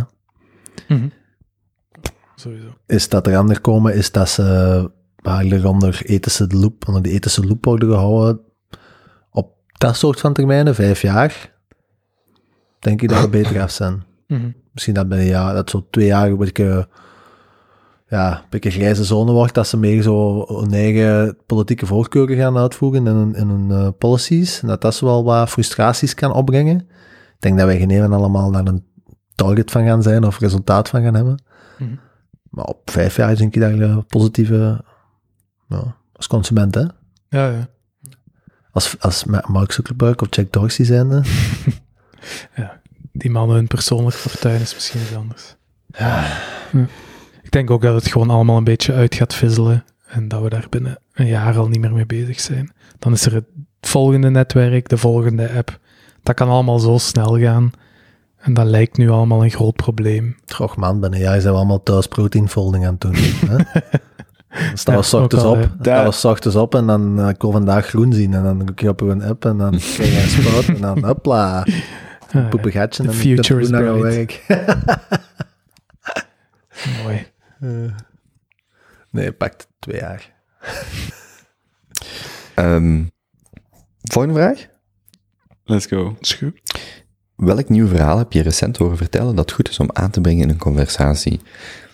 Ik heb eigenlijk gewoon iets wat ik graag wil delen, wat er wel bij aansluit.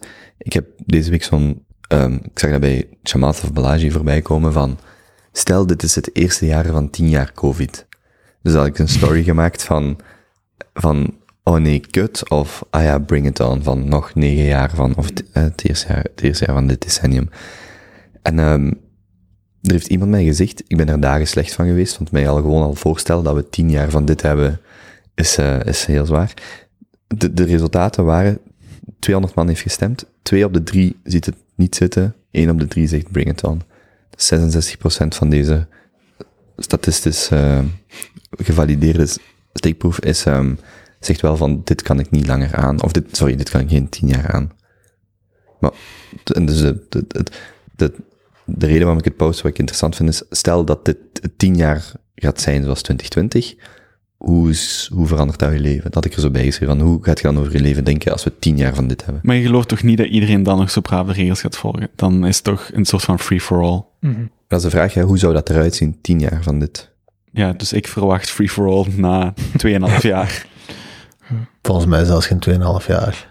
Maar ja, ik geloof dat niet, want had je twee jaar geleden, of een jaar geleden gezegd, stel, dit gebeurt, hoe lang totdat er een free-for-all is? Dan had je waarschijnlijk gezegd, vier weken, twee maanden. Ondertussen zit er ook al bijna een jaar in. Dus de maat waarin dat dat went, is denk ik veel, ik denk echt niet over 2,5 jaar zoiets van free-for-all. Omdat dat gewoon, je went daar gradueel aan, niet op één Maar moment. een free-for-all als in de, de middenklasse-economie stort in, de gemiddelde zelfstandige heeft gewoon echt, zijn zaak bestaat niet meer, wordt wanhopig, komt op straat. Apocalypse of wat? Ja, kunt dit- Ah, ja, Je kunt de huidige situatie ook gewoon geen 2,5 jaar volgen. Hè? Ja, Ga- nee. Gaat letterlijk niet, hè, economisch. Allee, Stel u voor, iedereen wordt gevaccineerd dit jaar, iedereen happy, hè, bla bla, yay. Volgend jaar, of het jaar daarop, gewoon nieuwe mutatie, bam. En elk jaar opnieuw moet iedereen gevaccineerd worden, dat is zo tien jaar aan een stuk zo. Die cyclus van, ga ik er nooit vanaf. wat, denk- wat, gaan we dan zien? Eh, evolutie. En dan is iedereen blind. Ik vond dat wel interessant. Ehm, ik, ik wist dat niet, maar op de Noordland Maandoverzicht podcast heb ik deze vorige week geleerd ehm, over eh, het feit dat de griep, die migreert gelijk als vogels. Dus als het hier zomer is, dan zit hij hier zo wat te broeien, oh, lekker warm, en dan wordt het hier winter, en dan, oeh, dat is niet aangenaam, en dan gaan die richting het zuiden. dus dan zitten die eh, in Australië te overwinteren, Ehm, dan krijgt daar iedereen de griep dan sequencen ze de griep vandaar, sturen ze die naar Europa en dan worden hier de vaccins gemaakt voor tegen dat het winter is. Steken ze dan op eh vaccijken in eh, alle OPP'kes en memekes en eh een uh, poepegatteke en dan komt dat terug en dan zijn, dadelijk, zijn ze daarvoor ingeënt. Dus dat is zo'n pingpong tussen Zuid, Zuid en Noord. Dus die virologen zijn eigenlijk seizoensarbeiders. Ja, nou, zo kunnen we het bekijken. Trouwens, eh, de, ik wou het zelf ook nog eens doorlezen. Ik ga dat misschien tegen de volgende aflevering doen, eh, als ik een tijd vind. Maar we hadden het een paar weken, een paar afleveringen geleden over hadden van... eh voordat je zegt, nee, ik, ga, ik, ik eh, vaccineer me niet, neem even een tijd om te luisteren hoe dat ze het hebben klaargespeeld. Noordplant maandoverzicht van deze maand. Mm. Eerste half uur, drie kwartier, uur gaat daarover. En meest specifiek is er blijkbaar één topartikel, kwartiertje, 18 minuten van een New Yorkse journalist die het daar echt keigoed is om die super complexe wetenschappelijke dingen heel haarfijn uit te leggen. Ehm, en eh, ja, het is blijkbaar echt de moeite.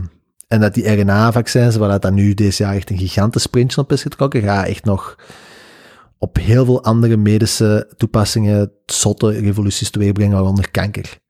Eh, kankervaccins. Dat soort van toestanden. Cool. Ja, ik, eh, ik wou zelf, het stond op me te doen, maar ik ben er niet, toe aan, ik ben niet aan toegeraakt. Oké. Een goed verhaal voor conversatie. Ehm, ik zat met mijn zus in de auto en ze vertelde mij dat ze ehm, Prince of Bel-Air, of Fresh Prince of Bel-Air, terug was aan het kijken. En blijkbaar is die Will Smith, toen dat hem ooit gecast was, is heeft hij op drie weken tijd moeten zeggen of hem al dan niet de rol wou nemen. Dus hij kreeg drie weken bedenktijd. Dat was ook zijn eerste rol ooit, denk ik, in een feuilleton. En dat is eigenlijk echt een zot, want die kent niet alleen zijn eigen tekst van buiten, maar ook alle teksten van zijn tegenspelers. En er zijn momenten geweest, en je kunt die momenten ook op YouTube terugvinden, waarbij dat je hem ziet mompelen, wat zijn tegenspelers moeten zeggen tegen hem, en waarbij de regisseur naar hem moet komen van, wil je moet echt stoppen met zo te mompelen, want we zien op camera dat jij de tekst van je tegenspelers beter kent dan zij zelf.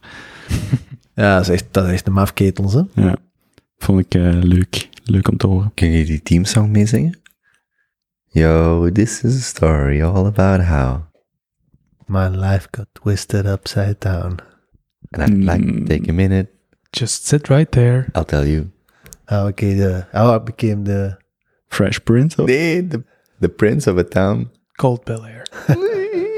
Nice. Hoogtepuntje. Is het mooi? Ja, dat is goed. Heel goed. Ehm, ik, heb, ik heb geen verhaal. Ehm, ik, ik heb wel een vraag voor u waar dat je misschien een verhaal voor, door kunt vertellen. Oké. Ik had dat nog opgeschreven. Ehm, ik was deze week aan het denken over een auto, dan wel motor, dan wel fiets. En toen wou ik u eens vragen dat dat met die cowboy is. Wat, u, wat uw eh, ervaringen daarmee zijn. Maar, oké. Eh, Een beetje reclame maken voor eh, een ongesponsord bedrijf komen op eigen Nee, nee, die, ik heb eerst met hen afgecheckt en zeggen, als Benny er minstens vijf minuten over praat, dan krijg je er een. of was dat swapfiets? Nee, nee. nee, nee, maar ik was daar dus serieus voor aan het kijken, omdat ik er met iemand over aan het praten was. Dus ik dacht, eh, ik ga dat on the record vragen. Ik, eh, ik vind dat een goed product. Even af. ik denk dat dat prijs-kwaliteit echt dik in orde is. Ehm goede app, goede customer service. Ik had een probleem met mijn batterij. Dus de laatste week deed hem zo een beetje raar. Hij gaf niet altijd bij. Zo dezelfde schwung als dat hem deed in het begin. Dus je hebt dan zo in uw app, hè, eh, waar je die mee unlockt, waar je mee kunt zien hoe dat je hebt gereden enzovoort. Mm. Ging ik naar help, ik stuur via een chatbox gewoon, hey mannetjes, er is een probleem met mijn fiets. Toen doe ik raar. Ah ja, oké, ja, we kunnen zien. Ah ja, ja, er is inderdaad iets mis. Ah, dat is met de batterij. Ehm, er is juist een nieuwe opgestuurd. Ah, cool. Twaalf uur later, dus ochtend nadien, like, DNS, spoedpakketje, kwam daar aan. En de label om ze terug te sturen, de batterij, zat dan mee in de doos. En ah ja, kunnen je de oude wel terugsturen, want we willen analyse doen. Ik stik die nieuwe erin, sleuteltjes ook bij. Ik vertrek en dat polt gelijk als... Zeg, een, een bereik is 70 kilometer. Maar in de stad maakt dat minder uit. Ja, maar... pff, Gelijk als het nu zo blij was, zo koud is, is het best eh, om batterij mee binnen te pakken. Dus ja, of dat je die dan ergens onder op tafel legt of in een stopcontact steekt. Hm. Ja, allee, dat is echt wel ruim, ruim bereik. Allee, genoeg. 70, dat haalt volgens mij geen 70, maar 50 of zo denk ik wel, ja. Je zit op 2,5 minuut, je moet nog 2,5 minuut verder. nee, ik, ik vind het wel een aanrader. En prijskwaliteit dus wel, want als de afweging is bijvoorbeeld zo'n deftige stadsfiets, 750.000 euro versus zo'n elektrische fiets, is dat, hoe, denk je daar dan over? Ja, wat ik gewoon heel kak vond, is ik wil mijn eh, vervoer zoveel mogelijk via fiets doen in stedelijke context. Dus ook afspraken en zo. Maar wat ik heel appetant vond, nu valt dat mee. Maar het overgrote deel van, eh, van het jaar, als je met de fiets een afspraak rijdt, ja, ik kan traag fietsen, dat is geen optie. Is gewoon geen optie. Ik weet niet, misschien zeggen ze ook, maar op het gemak, flaneren op een fiets door de stad, nee, dat is echt, nee, nee, het is, het is vol gaas, het is vol gaas of het is niet. Ah, ja. Daar zit er zo wel wat in. Oh. Ja, Jij zo van die, zo'n kerel die zit te rinkelen op iedereen die twee seconden op fietspad wandelt. ik haal ze gewoon in. Ja. Ja. Ik moet wel zeggen, als het druk is op de meer en ik ben op mijn fiets, heb ik al vaak gedacht, Kobe, rustig, want je zit echt als een mongool aan het fietsen doorheen die mensenmassa. Maar op de meer, wie gaat er nu fietsen op de meer? Weet je hoe zalig dat is? Dat is Als heel dat niet leuk. druk is? Ik vind dat ook Nee. heel leuk. Dat is, maar dat wel, dat volk. ik moet regelmatig ook de meer af om naar Centraal te rijden. Maar, jongen, dat is zalig. En dan zo die mensen zo juist ontwijken. Ja, dat is wat. Ja. Dat is heel leuk. Ja. Ik vind, dat, ik vind het dat wel waard, ja. Dat je ze sneller en je komt op plaatsen aan, je hebt nog altijd wat beweging gehad, maar je bent niet zeiknaad. Allee, zeiknaad, je bent niet... Mm. Dus je zit een zweter bij niet. Ik zweet wel eens op de juiste momenten, ja. Op foute momenten soms ook.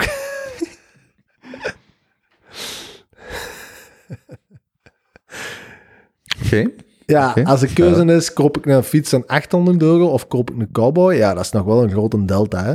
Maar als je wilt, ik koop een, heel, een goede fiets van 1200, 1500 euro of een cowboy, dan is een delta al heel wat minder. En dan zou ik wel Hmm. zeggen, ga, ah, pak dan een elektrische. Ja, of een motor van 8000 euro of een cowboy. Ik was, daar gewoon, ik was daar gewoon over aan het nadenken van in welke mate maak je een keuze over je vervoersmiddel. Wat bij mij sowieso kut is, want ik kan dat niet binnenzetten. Dus een fiets is sowieso al ambetant, welke dan ook. Versus een velo. En dan was ik aan het denken om iets te huren om die te zetten, maar... Dus jij zit er wel tevreden van. Ja, zeker. Zeker. Oké. Goede customer service. Dat was vijf minuten. Oh man, als hij volgende week zo'n grote karton Een heel grote kartonnen doos. En zo nog geprobeerd om cowboy zo af te... En er, ja, maar ja, nee, ik heb een televisie gekocht of zo. Ja, maar echt. Dat zou heel grappig. Dat zou, gratis. dat zou heel grappig zijn. Ja. Als iemand iemand kent bij Cowboy, zal die, deze podcast wel tot aangeraken. Hè. Ja, waarschijnlijk. Oh, ik heb wel iets anders cools, maar ik kan het nog niet on the record vertellen. Ik zal je dat zelfs vertellen van eh, Goed. iets wat misschien gaat gebeuren. Misschien? Mhm. Mhm. Ja, het herkende mij. Kent je dat? Ha. Ehm, ik had misschien nog wel iets, maar het was eerder bij de vorige vraag. Maar omdat al die vragen weer de dag zelf veranderd zijn, was ik een beetje in de war. Ik weet van niks. Oké. Ehm, eh, dus je hebt zo eh, wat je geschikt vindt om aan de Junto te communiceren in moraliteit, business, natuurkunde of andere delen van de algemene kennis. Eh, ik had iets in, in business, waar echt, ja, gewoon zo Airbnb, dat jaar dat die hebben gehad, dat is echt een van de meest geschifte jaren voor een bedrijf, denk ik, in de, ja, businessgeschiedenis of zo. Hebben die geen zwaar jaar gehad? Bij Oh, jong. Ja, gewoon, die zijn dan die COVID-slag toe. Die zien hun, wat was het? Dus in Q2 van 2020 zien die hun omzet met 67% terugvallen. Op een kwartaal, hè? Maar je vergeet dat die juist voor een IPO stonden, hè? Ja, ja, ja dus dat, die waren echt een paar weken aan een IPO. Dus ja, cumula, de, cumula, de, het eindresultaat van 10, 15 jaar echt met duizenden mensen gewoon snoeihard werken. En dan op een paar weken van een IPO en dat er x aantal honderden van dat... well, iedereen binnen dat bedrijf gaat daar goed aan verdiend hebben. Hè? Waarschijnlijk een paar honderd miljonairs die er wel op dit moment eh, worden gemaakt. Een paar weken daarvoor breekt er een globale pandemie uit en zien die op één kwartaal hun vrij stabiele business met bijna 70% terugvallen. Dat is echt, ja, dat is gewoon echt ongezien, hè? Zo'n plotse terugval. En dan hebben die 1900 mensen moeten ontslagen, of bijna 30% van die totale werkkrachten. Ehm, en tegen het einde van het jaar, dus nog geen negen maanden later, doen die een IPO, dus gaan die naar de beurs en verwachten die 40 miljard, een valuatie aan 40 miljard te behalen. En twee dagen later zit die op 100 miljard. Echt, dat is, toch de, dat is toch de definitie van een rollercoaster. Allee, wat dat, ja, dat is toch echt geschift. Mhm. Dat op, op, op negen maanden tijd, jong. Dat is echt crazy, ja. En vooral hoeveel... Wie heeft dat weer geregeld? JP Morgan heeft die IPO geregeld, denk ik, hè? Ik weet het niet. Maar die hebben daar enorm veel geld mee verdiend, hè? Want als je... Dus die hebben een IPO gestart aan 40, 40 dan ongeveer. En die zijn geëindigd op, wat zeg je nu, 100. Hm. Maar het was al een treden, hè? dus de particulier gaat daar ook op kunnen intekenen. Ja, maar hoe, hoeveel spatie zat daar ongeveer 60 tussen? miljard. Nee, nee, hoeveel tijd zat daar ongeveer? Twee dagen. Twee dagen. Maar dat wil dus zeggen dat die hun IPO voor veel meer hadden kunnen starten. Dus hun eerste aandelen eigenlijk hadden kunnen verkopen aan wat? 70, 80. En dus 30 miljard meer hadden kunnen verdienen door gewoon hun IPO-prijs hoger te zetten. En al die privé-investeerders die via JP Morgan aandelen hebben kunnen kopen in de eerste offering van Airbnb, die hebben scheiden veel geld verdiend op twee dagen. Ja, maar het is ook wel... Allee, ik denk dat dat... Ik denk dat, ook wel voorzichtig, dat je er ook wel voorzichtig mee moet zijn, want het ergste dat er kan gebeuren is dat je Dat naar, nul, ja, dat, beneden negatief... Ja, en ondertussen zijn ze, volgens mij zitten ze nu toch al terug op 50 of 60. Dus dat is zo wel van een dier geweest. En hebben ook heel veel, ik denk dat bijna 20% van de aandelen die ze naar de markt gingen brengen, waren eh, vrijgehouden voor superhosts en zo. Ah, ja. En Ja, cool. dat ook nog hosts in zeggen. het algemeen kregen... Heavy, kregen heavy ook, users eh, konden intekenen. ja, dus Ja. die konden... Super cool. Ja, dat is wel Dat is de vraag als de Coinbase IPO eh, volgend jaar zou dat zijn. Zo dat idee dat je, u, dat je gebruikers laat intekenen en daar echt wel substantieel ruimte voor laat. Ik vind dat wel een heel cool idee. Mm. zo vet, ja. Sowieso. Ja, ik denk echt, maar ik was daar echt, ik las dat en ik was me zo echt aan het inbeelden van, wat is dat voor een mindfuck, man? Als je dat op negen maanden meemaakt. Dat is, ja. Ja, van min 70 naar 100 miljard, van min 70 procent. Maar en ook het derde van je personeel moeten laten gaan. Ja, maar die, die pers, dat personeel dat toen is vertrokken, dat zal toch ook nog een extra bonus hebben gekregen. Ja, dat weet ik niet. Maar die hebben wel, het coole is wel, als je er zo aan over Dat, is- leest, dat is de VS, hè? dat zijn wel echt, dat zijn wel echt goede mannen. Allee, dat bedrijf, dat, zit- dat, dat lijkt echt wel Integer. Ja, die hebben zo echt ook, die hun hosts, ja, die hebben ook in dat tweede kwartaal alles zien terugvallen. Die hebben dan zo, in die periode, dat ze dan zelf ook echt gewoon dik in de shit zaten, echt een paar honderd miljoen vrijgemaakt aan, aan eh, leningen en overbruggingskredieten en zo voor hun hosts. En ja, oké, dat is natuurlijk ook positief voor hen, hè. Ehm, het is een eh, double-sided market natuurlijk, maar allee, die hebben zo echt wel, ja, Mm. lijken echt, dat lijkt echt een, een tegenbedrijf. Dat is cool, dat, dat, is, dat is cool, dat is mooi dat dat dan toch eh, goed terechtkomt, vind ik zelf. Nog een vraag? De volgende is, eh, welk citaat, oude wijsheid of inzicht? Ik had wel eentje. Don't treat somebody like a priority when they treat you like an option. Mooi. Van waar komt dat? Ik zei het. Ja. Eh, ja. Het was, het was, iemand vroeg, er was een, op AskReddit is nu de top topic of thread, is eh, hoe je afstand neemt van mensen. Ja, zo, zoiets was het. Hoe je afscheid neemt van mensen. En dit was een van de top comments. Don't treat someone like a priority when they treat you like an option. En dan was er nog eentje. Worrying van eh, Mark Twain. Worrying is like paying a debt you don't owe. Sorry. Mhm. Dat vond ik ook mooi. Ik heb, ehm dat is misschien nog wel toepasselijk, op de afgelopen weken. The truth is paywalled, but the lies are free. Zeg dat nog eens? Maar ja, is heel The, cynisch. the truth, the truth is paywalled, but the lies are free. Eh, eh, Damn. oh damn. Ja, Oh damn. lekker cynisch. Ik heb ook twee. Uh, eerste is, we were promised flying cars, but all we got was three 90% effective vaccines within 10 months of a novel viral pandemic. Vond ik ook wel goed. Zeg, zeg, zeg dat nog eens? Ik vind hem leuk. We were promised flying cars, but all we got was three 90% effective vaccines within 10 months of a novel viral pandemic. Hm. Het zotste vind ik... Het is heel stoïcijns om er zo naar te kijken. Ja, hè? Ja? Maar blijkbaar is dat... Dat vond ik ook wel echt gestoord. Blijkbaar, eh dat eerste wat ik zei was op 48 uur klaar. Op 48 uur. Dat is, trouwens, dat is ook nog wel heel interessant. Die, dus die vaccins van Moderna en Pfizer zijn er nu, maar die moeten blijkbaar binnen de 21 dagen moet je tweede dosis hebben. En dus die, al die de klinische studies zijn gedaan op mensen die twee, twee dosissen krijgen binnen de drie weken. Nu dringt het probleem zich op dat ze, ofwel kun je een kleine groep twee keer vaccineren, Of je kunt breed ieder een eerste keer vaccineren en hopen dat die tweede dosis na twee maanden nog even effectief is. En dat is nu weer, dat was op de standaard podcast, dat is nu effectief een discussie binnen de, dan de mRNA-virusproducenten, dus Moderna en Pfizer, hoe ze dat, wel, binnen de overheid, dat die daar koopt, hoe ze dat zouden gaan doen. Gaan ze gewoon, ze hebben bijvoorbeeld nu, zeg maar 4 miljoen dosissen, gaan ze er 2 miljoen correct doen, of 4 miljoen al breed eh, vaccineren? Ik snap het niet. Zeg het nog eens. Voor de coronavaccins moet je Ja. twee vaccinaties krijgen. Twee Voor sommigen, niet voor allemaal. hè. Ja, voorloop- voor die van Moderna en Pfizer, als ik het goed heb, moet je alle twee, twee hebben. Oké. Die ze nu hebben aangekocht. Dus die er nu zijn, In België. in België. Ja.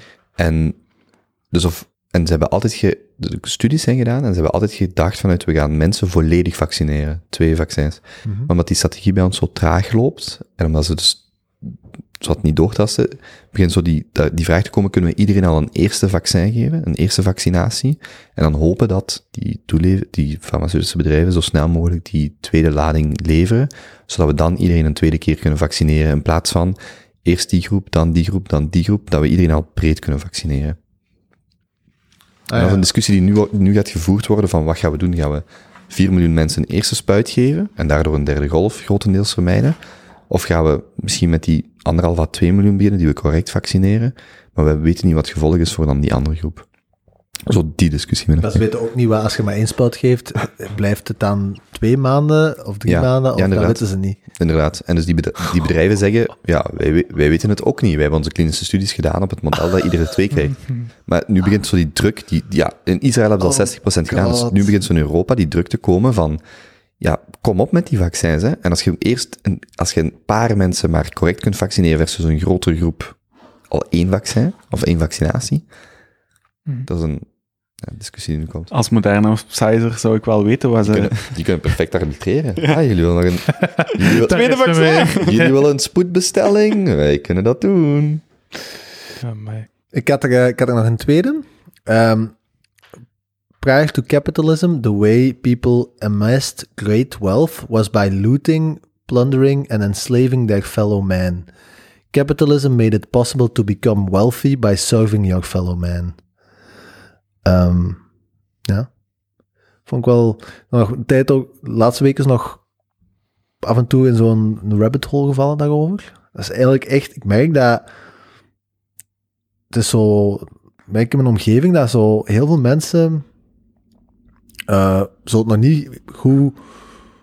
Allee, het, het, het, het idee achter kapitalisme is van als je kapitalisme iets creëert, is het niet zo dat je noodzakelijk een stuk van de koek steelt van iemand anders. Je maakt de gezamenlijke koek groter. En dat is zoiets dat ik soms merk dat heel veel mensen precies zo die het switch nog niet gemaakt hebben van, ah ja, maar als Elon Musk 180 miljard heeft, wil dat zeggen dat er x aantal arme, x miljoenen arme mensen x aantal duizend euro's minder hebben. Nee, want we printen gewoon bij. Dat is ook een oplossing. Ja, Ja. ja een andere variant. Ik geloof daar ook heel fel in. En wat Ja. ik ook vaak ook hoor zeggen is, het is een golf die iedereen optilt. Ja, Maar gewoon, ja oké, sommigen heel erg hoor, maar iedereen heeft voordelen gehad met kapitalisme en we ons hier bezig, vier kerels in Antwerpen. Maar waar het wel, eh, dat er echt veel minder globale armoede is dat we Jozef sinds het begin vanavond. van, de, van heel die beweging. Ik had ook wel eentje. ehm, the fastest way to stop believing in democracy is to have an hour-long discussion with the average voter. Is dat niet van Churchill? Eh, ik denk dat hij die herhaald heeft. Ja, Maar- je vier kerels in Antwerpen. Ja, ja, ja. Maar- Amai. Dat komt eigenlijk uit een hele eh, ja, discussie die ik aan het lezen was over de oude Grieken. En blijkbaar heeft zelfs Socrates in het begin al iets in die aard gezegd. En eens als je daar zo die naam tegen plakt, dan klinkt het al minder schofferend. Maar dus blijkbaar waren die mannen al helemaal geen voorstander van democratie. En zeiden ze toen al, het enige wat er gaat gebeuren binnen dit en 100 jaar, oké, ze zaten 400 jaar, 500 jaar verkeerd, nee, veel meer verkeerd, eh, is dat je uiteindelijk heel veel populisme gaat creëren en je, je laat geen ruimte voor diepgaande discussies die ertoe doen met mensen die weten waar ze het over hebben. En, eh, Technocratie dan. Ja, ja, er waren veel ideeën over wat je dan misschien wel zou kunnen doen, maar democratie was er geen van. Zo, goed, zo grappig hoe dat Game of Thrones eindigt. Dat een van hen voorstelt, en zo zitten ze allemaal samen van, gaan we het volk laten stemmen? En dat dat zo volledig, dus democratie, volledig wordt weggelachen. En dan zo, wow, dan mag mijn paard ook stemmen. Of Ja. zoiets, gaan we iedereen stemmen? En echt zo, in, dat wordt ja. zo heel netjes getoond van, ja, inderdaad. Ja. Ja. Ja, dat is wel echt een bullshit einde, want in een boek is hij echt wel helemaal... Ja, dat weten we ook nog niet. Je hebt ook die podcast met John Mackey geluisterd, hè, bij Joe Rogan, want die heeft toch dat boek geschreven over eh, Conscious Capitalism? Dat Ja. Die John Mackey heeft dat geschreven, hè. Ik vond die, en daar legt hij ook heel goed uit wat dat dan de rol van kapitalisme en zo is. En niet dat, wat veel mensen misschien denken, of de, de, de voortgang die dat heeft meegebracht. Maar dat, allee, pas op, hè, ik wil hier helemaal niet eh, overkomen als eh, kapitalisme is perfect. Absoluut niet. Hè. Het is een flawed systeem. Maar het is wel het beste systeem dat we tot nu toe hebben gevonden, denk ik. Ehm, denk ik. We, Maar, we zien gewoon momenteel af en toe uitwassen van een vergevorderd kapitalisme. en dat is ook, en dat is ook, alleen nu maak ik ook al de fout om te spreken van het kapitalisme. Dat bestaat ook niet, hè. Allee, het Amerikaanse kapitalistische systeem is compleet anders als het Zweeds kapitalistische systeem. Dat zijn allebei kapitalistische systemen. Ehm, dus het kapitalisme bestaat al niet. Ik ben persoonlijk veel meer een gelover in het Zweedse of in het Hmm. Noorse kapitalisme als in het Amerikaanse kapitalisme. Ehm, ik denk dat er zeker nogal is voor een, eh, een, een wetgevende eh, overheid, een sterke wetgevende overheid in dat geheel. Ehm, maar daar kan ik ook fout in zijn. Maar ik vind dat wel een interessant idee en ik merk dat heel veel mensen in mijn omgeving, dat zelfs op latere leeftijd nog niet dat concept vatten van het is geen eh zero-sum game in het kapitalisme. Het is niet als ik iets heb dat ik dat van u afneem. Want het mooiste is gewoon, je koopt verschillende onderdelen aan van andere partijen die er iets op verdienen. Je combineert dat en je kunt dat voortverkopen door aan meerwaarde. ehm, ja, dus de, de, de som van de individuele onderdelen is meer waard als de individuele onderdelen op zich. En dat, dus by definition maak je de koek gewoon groter. En dat is wel een mooi idee of zo. Mhm. Ja. Ja. Laatste weken nog aan het denken geweest. Heel cool. Good stuff. Nog quotes? The longer you stay single. Wie maakt hem af? Ik niet. Ik vind dat echt de grootste quote in de geschiedenis van Zou, zou, zou, de, show. zou de gemiddelde luisteraar die kunnen afmaken? Oh. Ik denk het wel. Ja, Maak jij maar, maar af voor de mensen die, die het niet weten. Dus wat was het? The longer you stay single. The more they fuck your future wife. Zeker. Dat is echt afschuwelijk. Prachtig. Oké, zullen we hem afronden, jongens? Moeten we nog iets eh, bespreken? We hebben vandaag echt absurd veel vragen beantwoord. Twee. Hoeveel volgen er nog? Vier. Ah, vier. Nee, vier. Nog vier. Ja. Ah ja, want ze zijn samengevoegd. En, zo. zeker. ja, ik heb ze samengevoegd, maar er zijn er nog wel een paar. Mhm. Dus dat is nu de nieuwe versie. Ja, maar ik heb gewoon twee vragen samengevoegd. En die eerste vraag een beetje anders verantwoord. Het heet nu ook V 0. versie 0.3, update Jan 2021. Ja, moet ik dat aanpassen, hè? Ja. Oké. Moeten we ehm, daar nog iets aan toevoegen? Mm. Ik heb het ik heb het gevoel dat je een beetje boos bent op mij. Dus oké. Zo'n beetje Het gefrustreerd. ging, het ging Dus even oké. Je werd alle twee hetzelfde aan het zeggen, maar jij wou over één ding praten en hij wou over een ander ding praten. Maar ik voel dat hij zo wat boos is op mij. Het is oké. Is waarom je wilt afronden. Ja. Zullen we het er zometeen over hebben?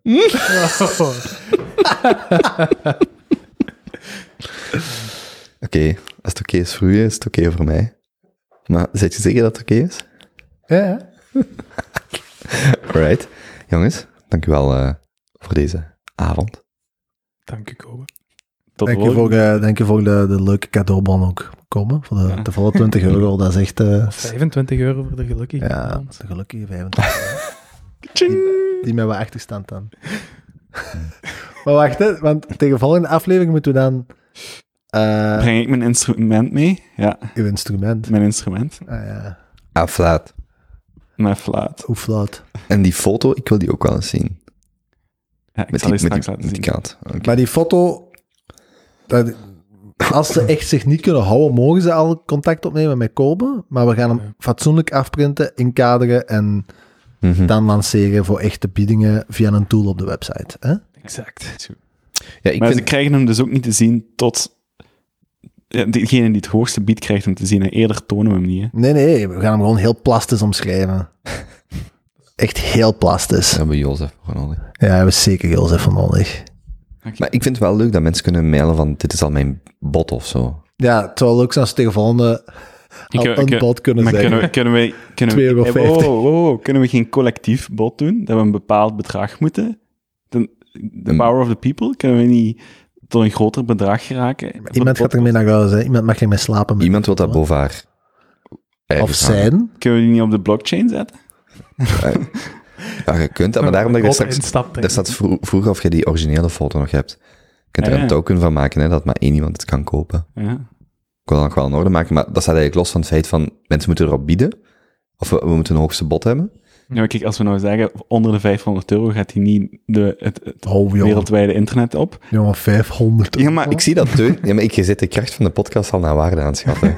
Ik zie Ja, dat. maar hoe, hoe gemakkelijk is het voor de gemiddelde Junto-luisteraar om 5 euro in die bolspot te storten, totdat wij aan 500 euro komen, hè, voor enkele foto? Ja, oké, dan zal ik die foto wel releasen, maar dat betekent wel direct 500 euro bij in die bolspot. Maar wie gaat vijf... Ja, Ah, Vijf dat vind euro. ik misschien nog wel Hè, een mooi nu volg ik, ja. Ik dacht Ja. collectief aankopen van die foto. Ah, nee. dat is een ik beetje dacht dat één iemand 500 euro moet betalen voor die foto. Nee, nee, nee, laat vele, vele handjes helpen. Iedereen mag genieten. Ah, het is maar niet dat is- ja. één persoon. Ik Maar volg niet. Ik ben niet mee. Dus we staan nu op 350 euro voor de bospot. Ja, ja. We Ik wil op dat hem- 750 staan. Dus 400, de 400 erbij. Eh, sorry, 800. 850. Dus er moet 500 euro erbij zijn. En dan laten we de foto van een tuin, eh, waar daar 15.000 vrouwen en homoseksuele mannen op hebben geliked, los via eh, de Kobus en kanalen, ehm, als bedanking voor de bijdrage aan de bespot. Dat kunnen we ook doen. Ja. En we kiezen ene gelukkige storter vanaf nu tot aan de 850 euro, Mhm. Ah, die dat hem Of de krijgt. grootste donatie.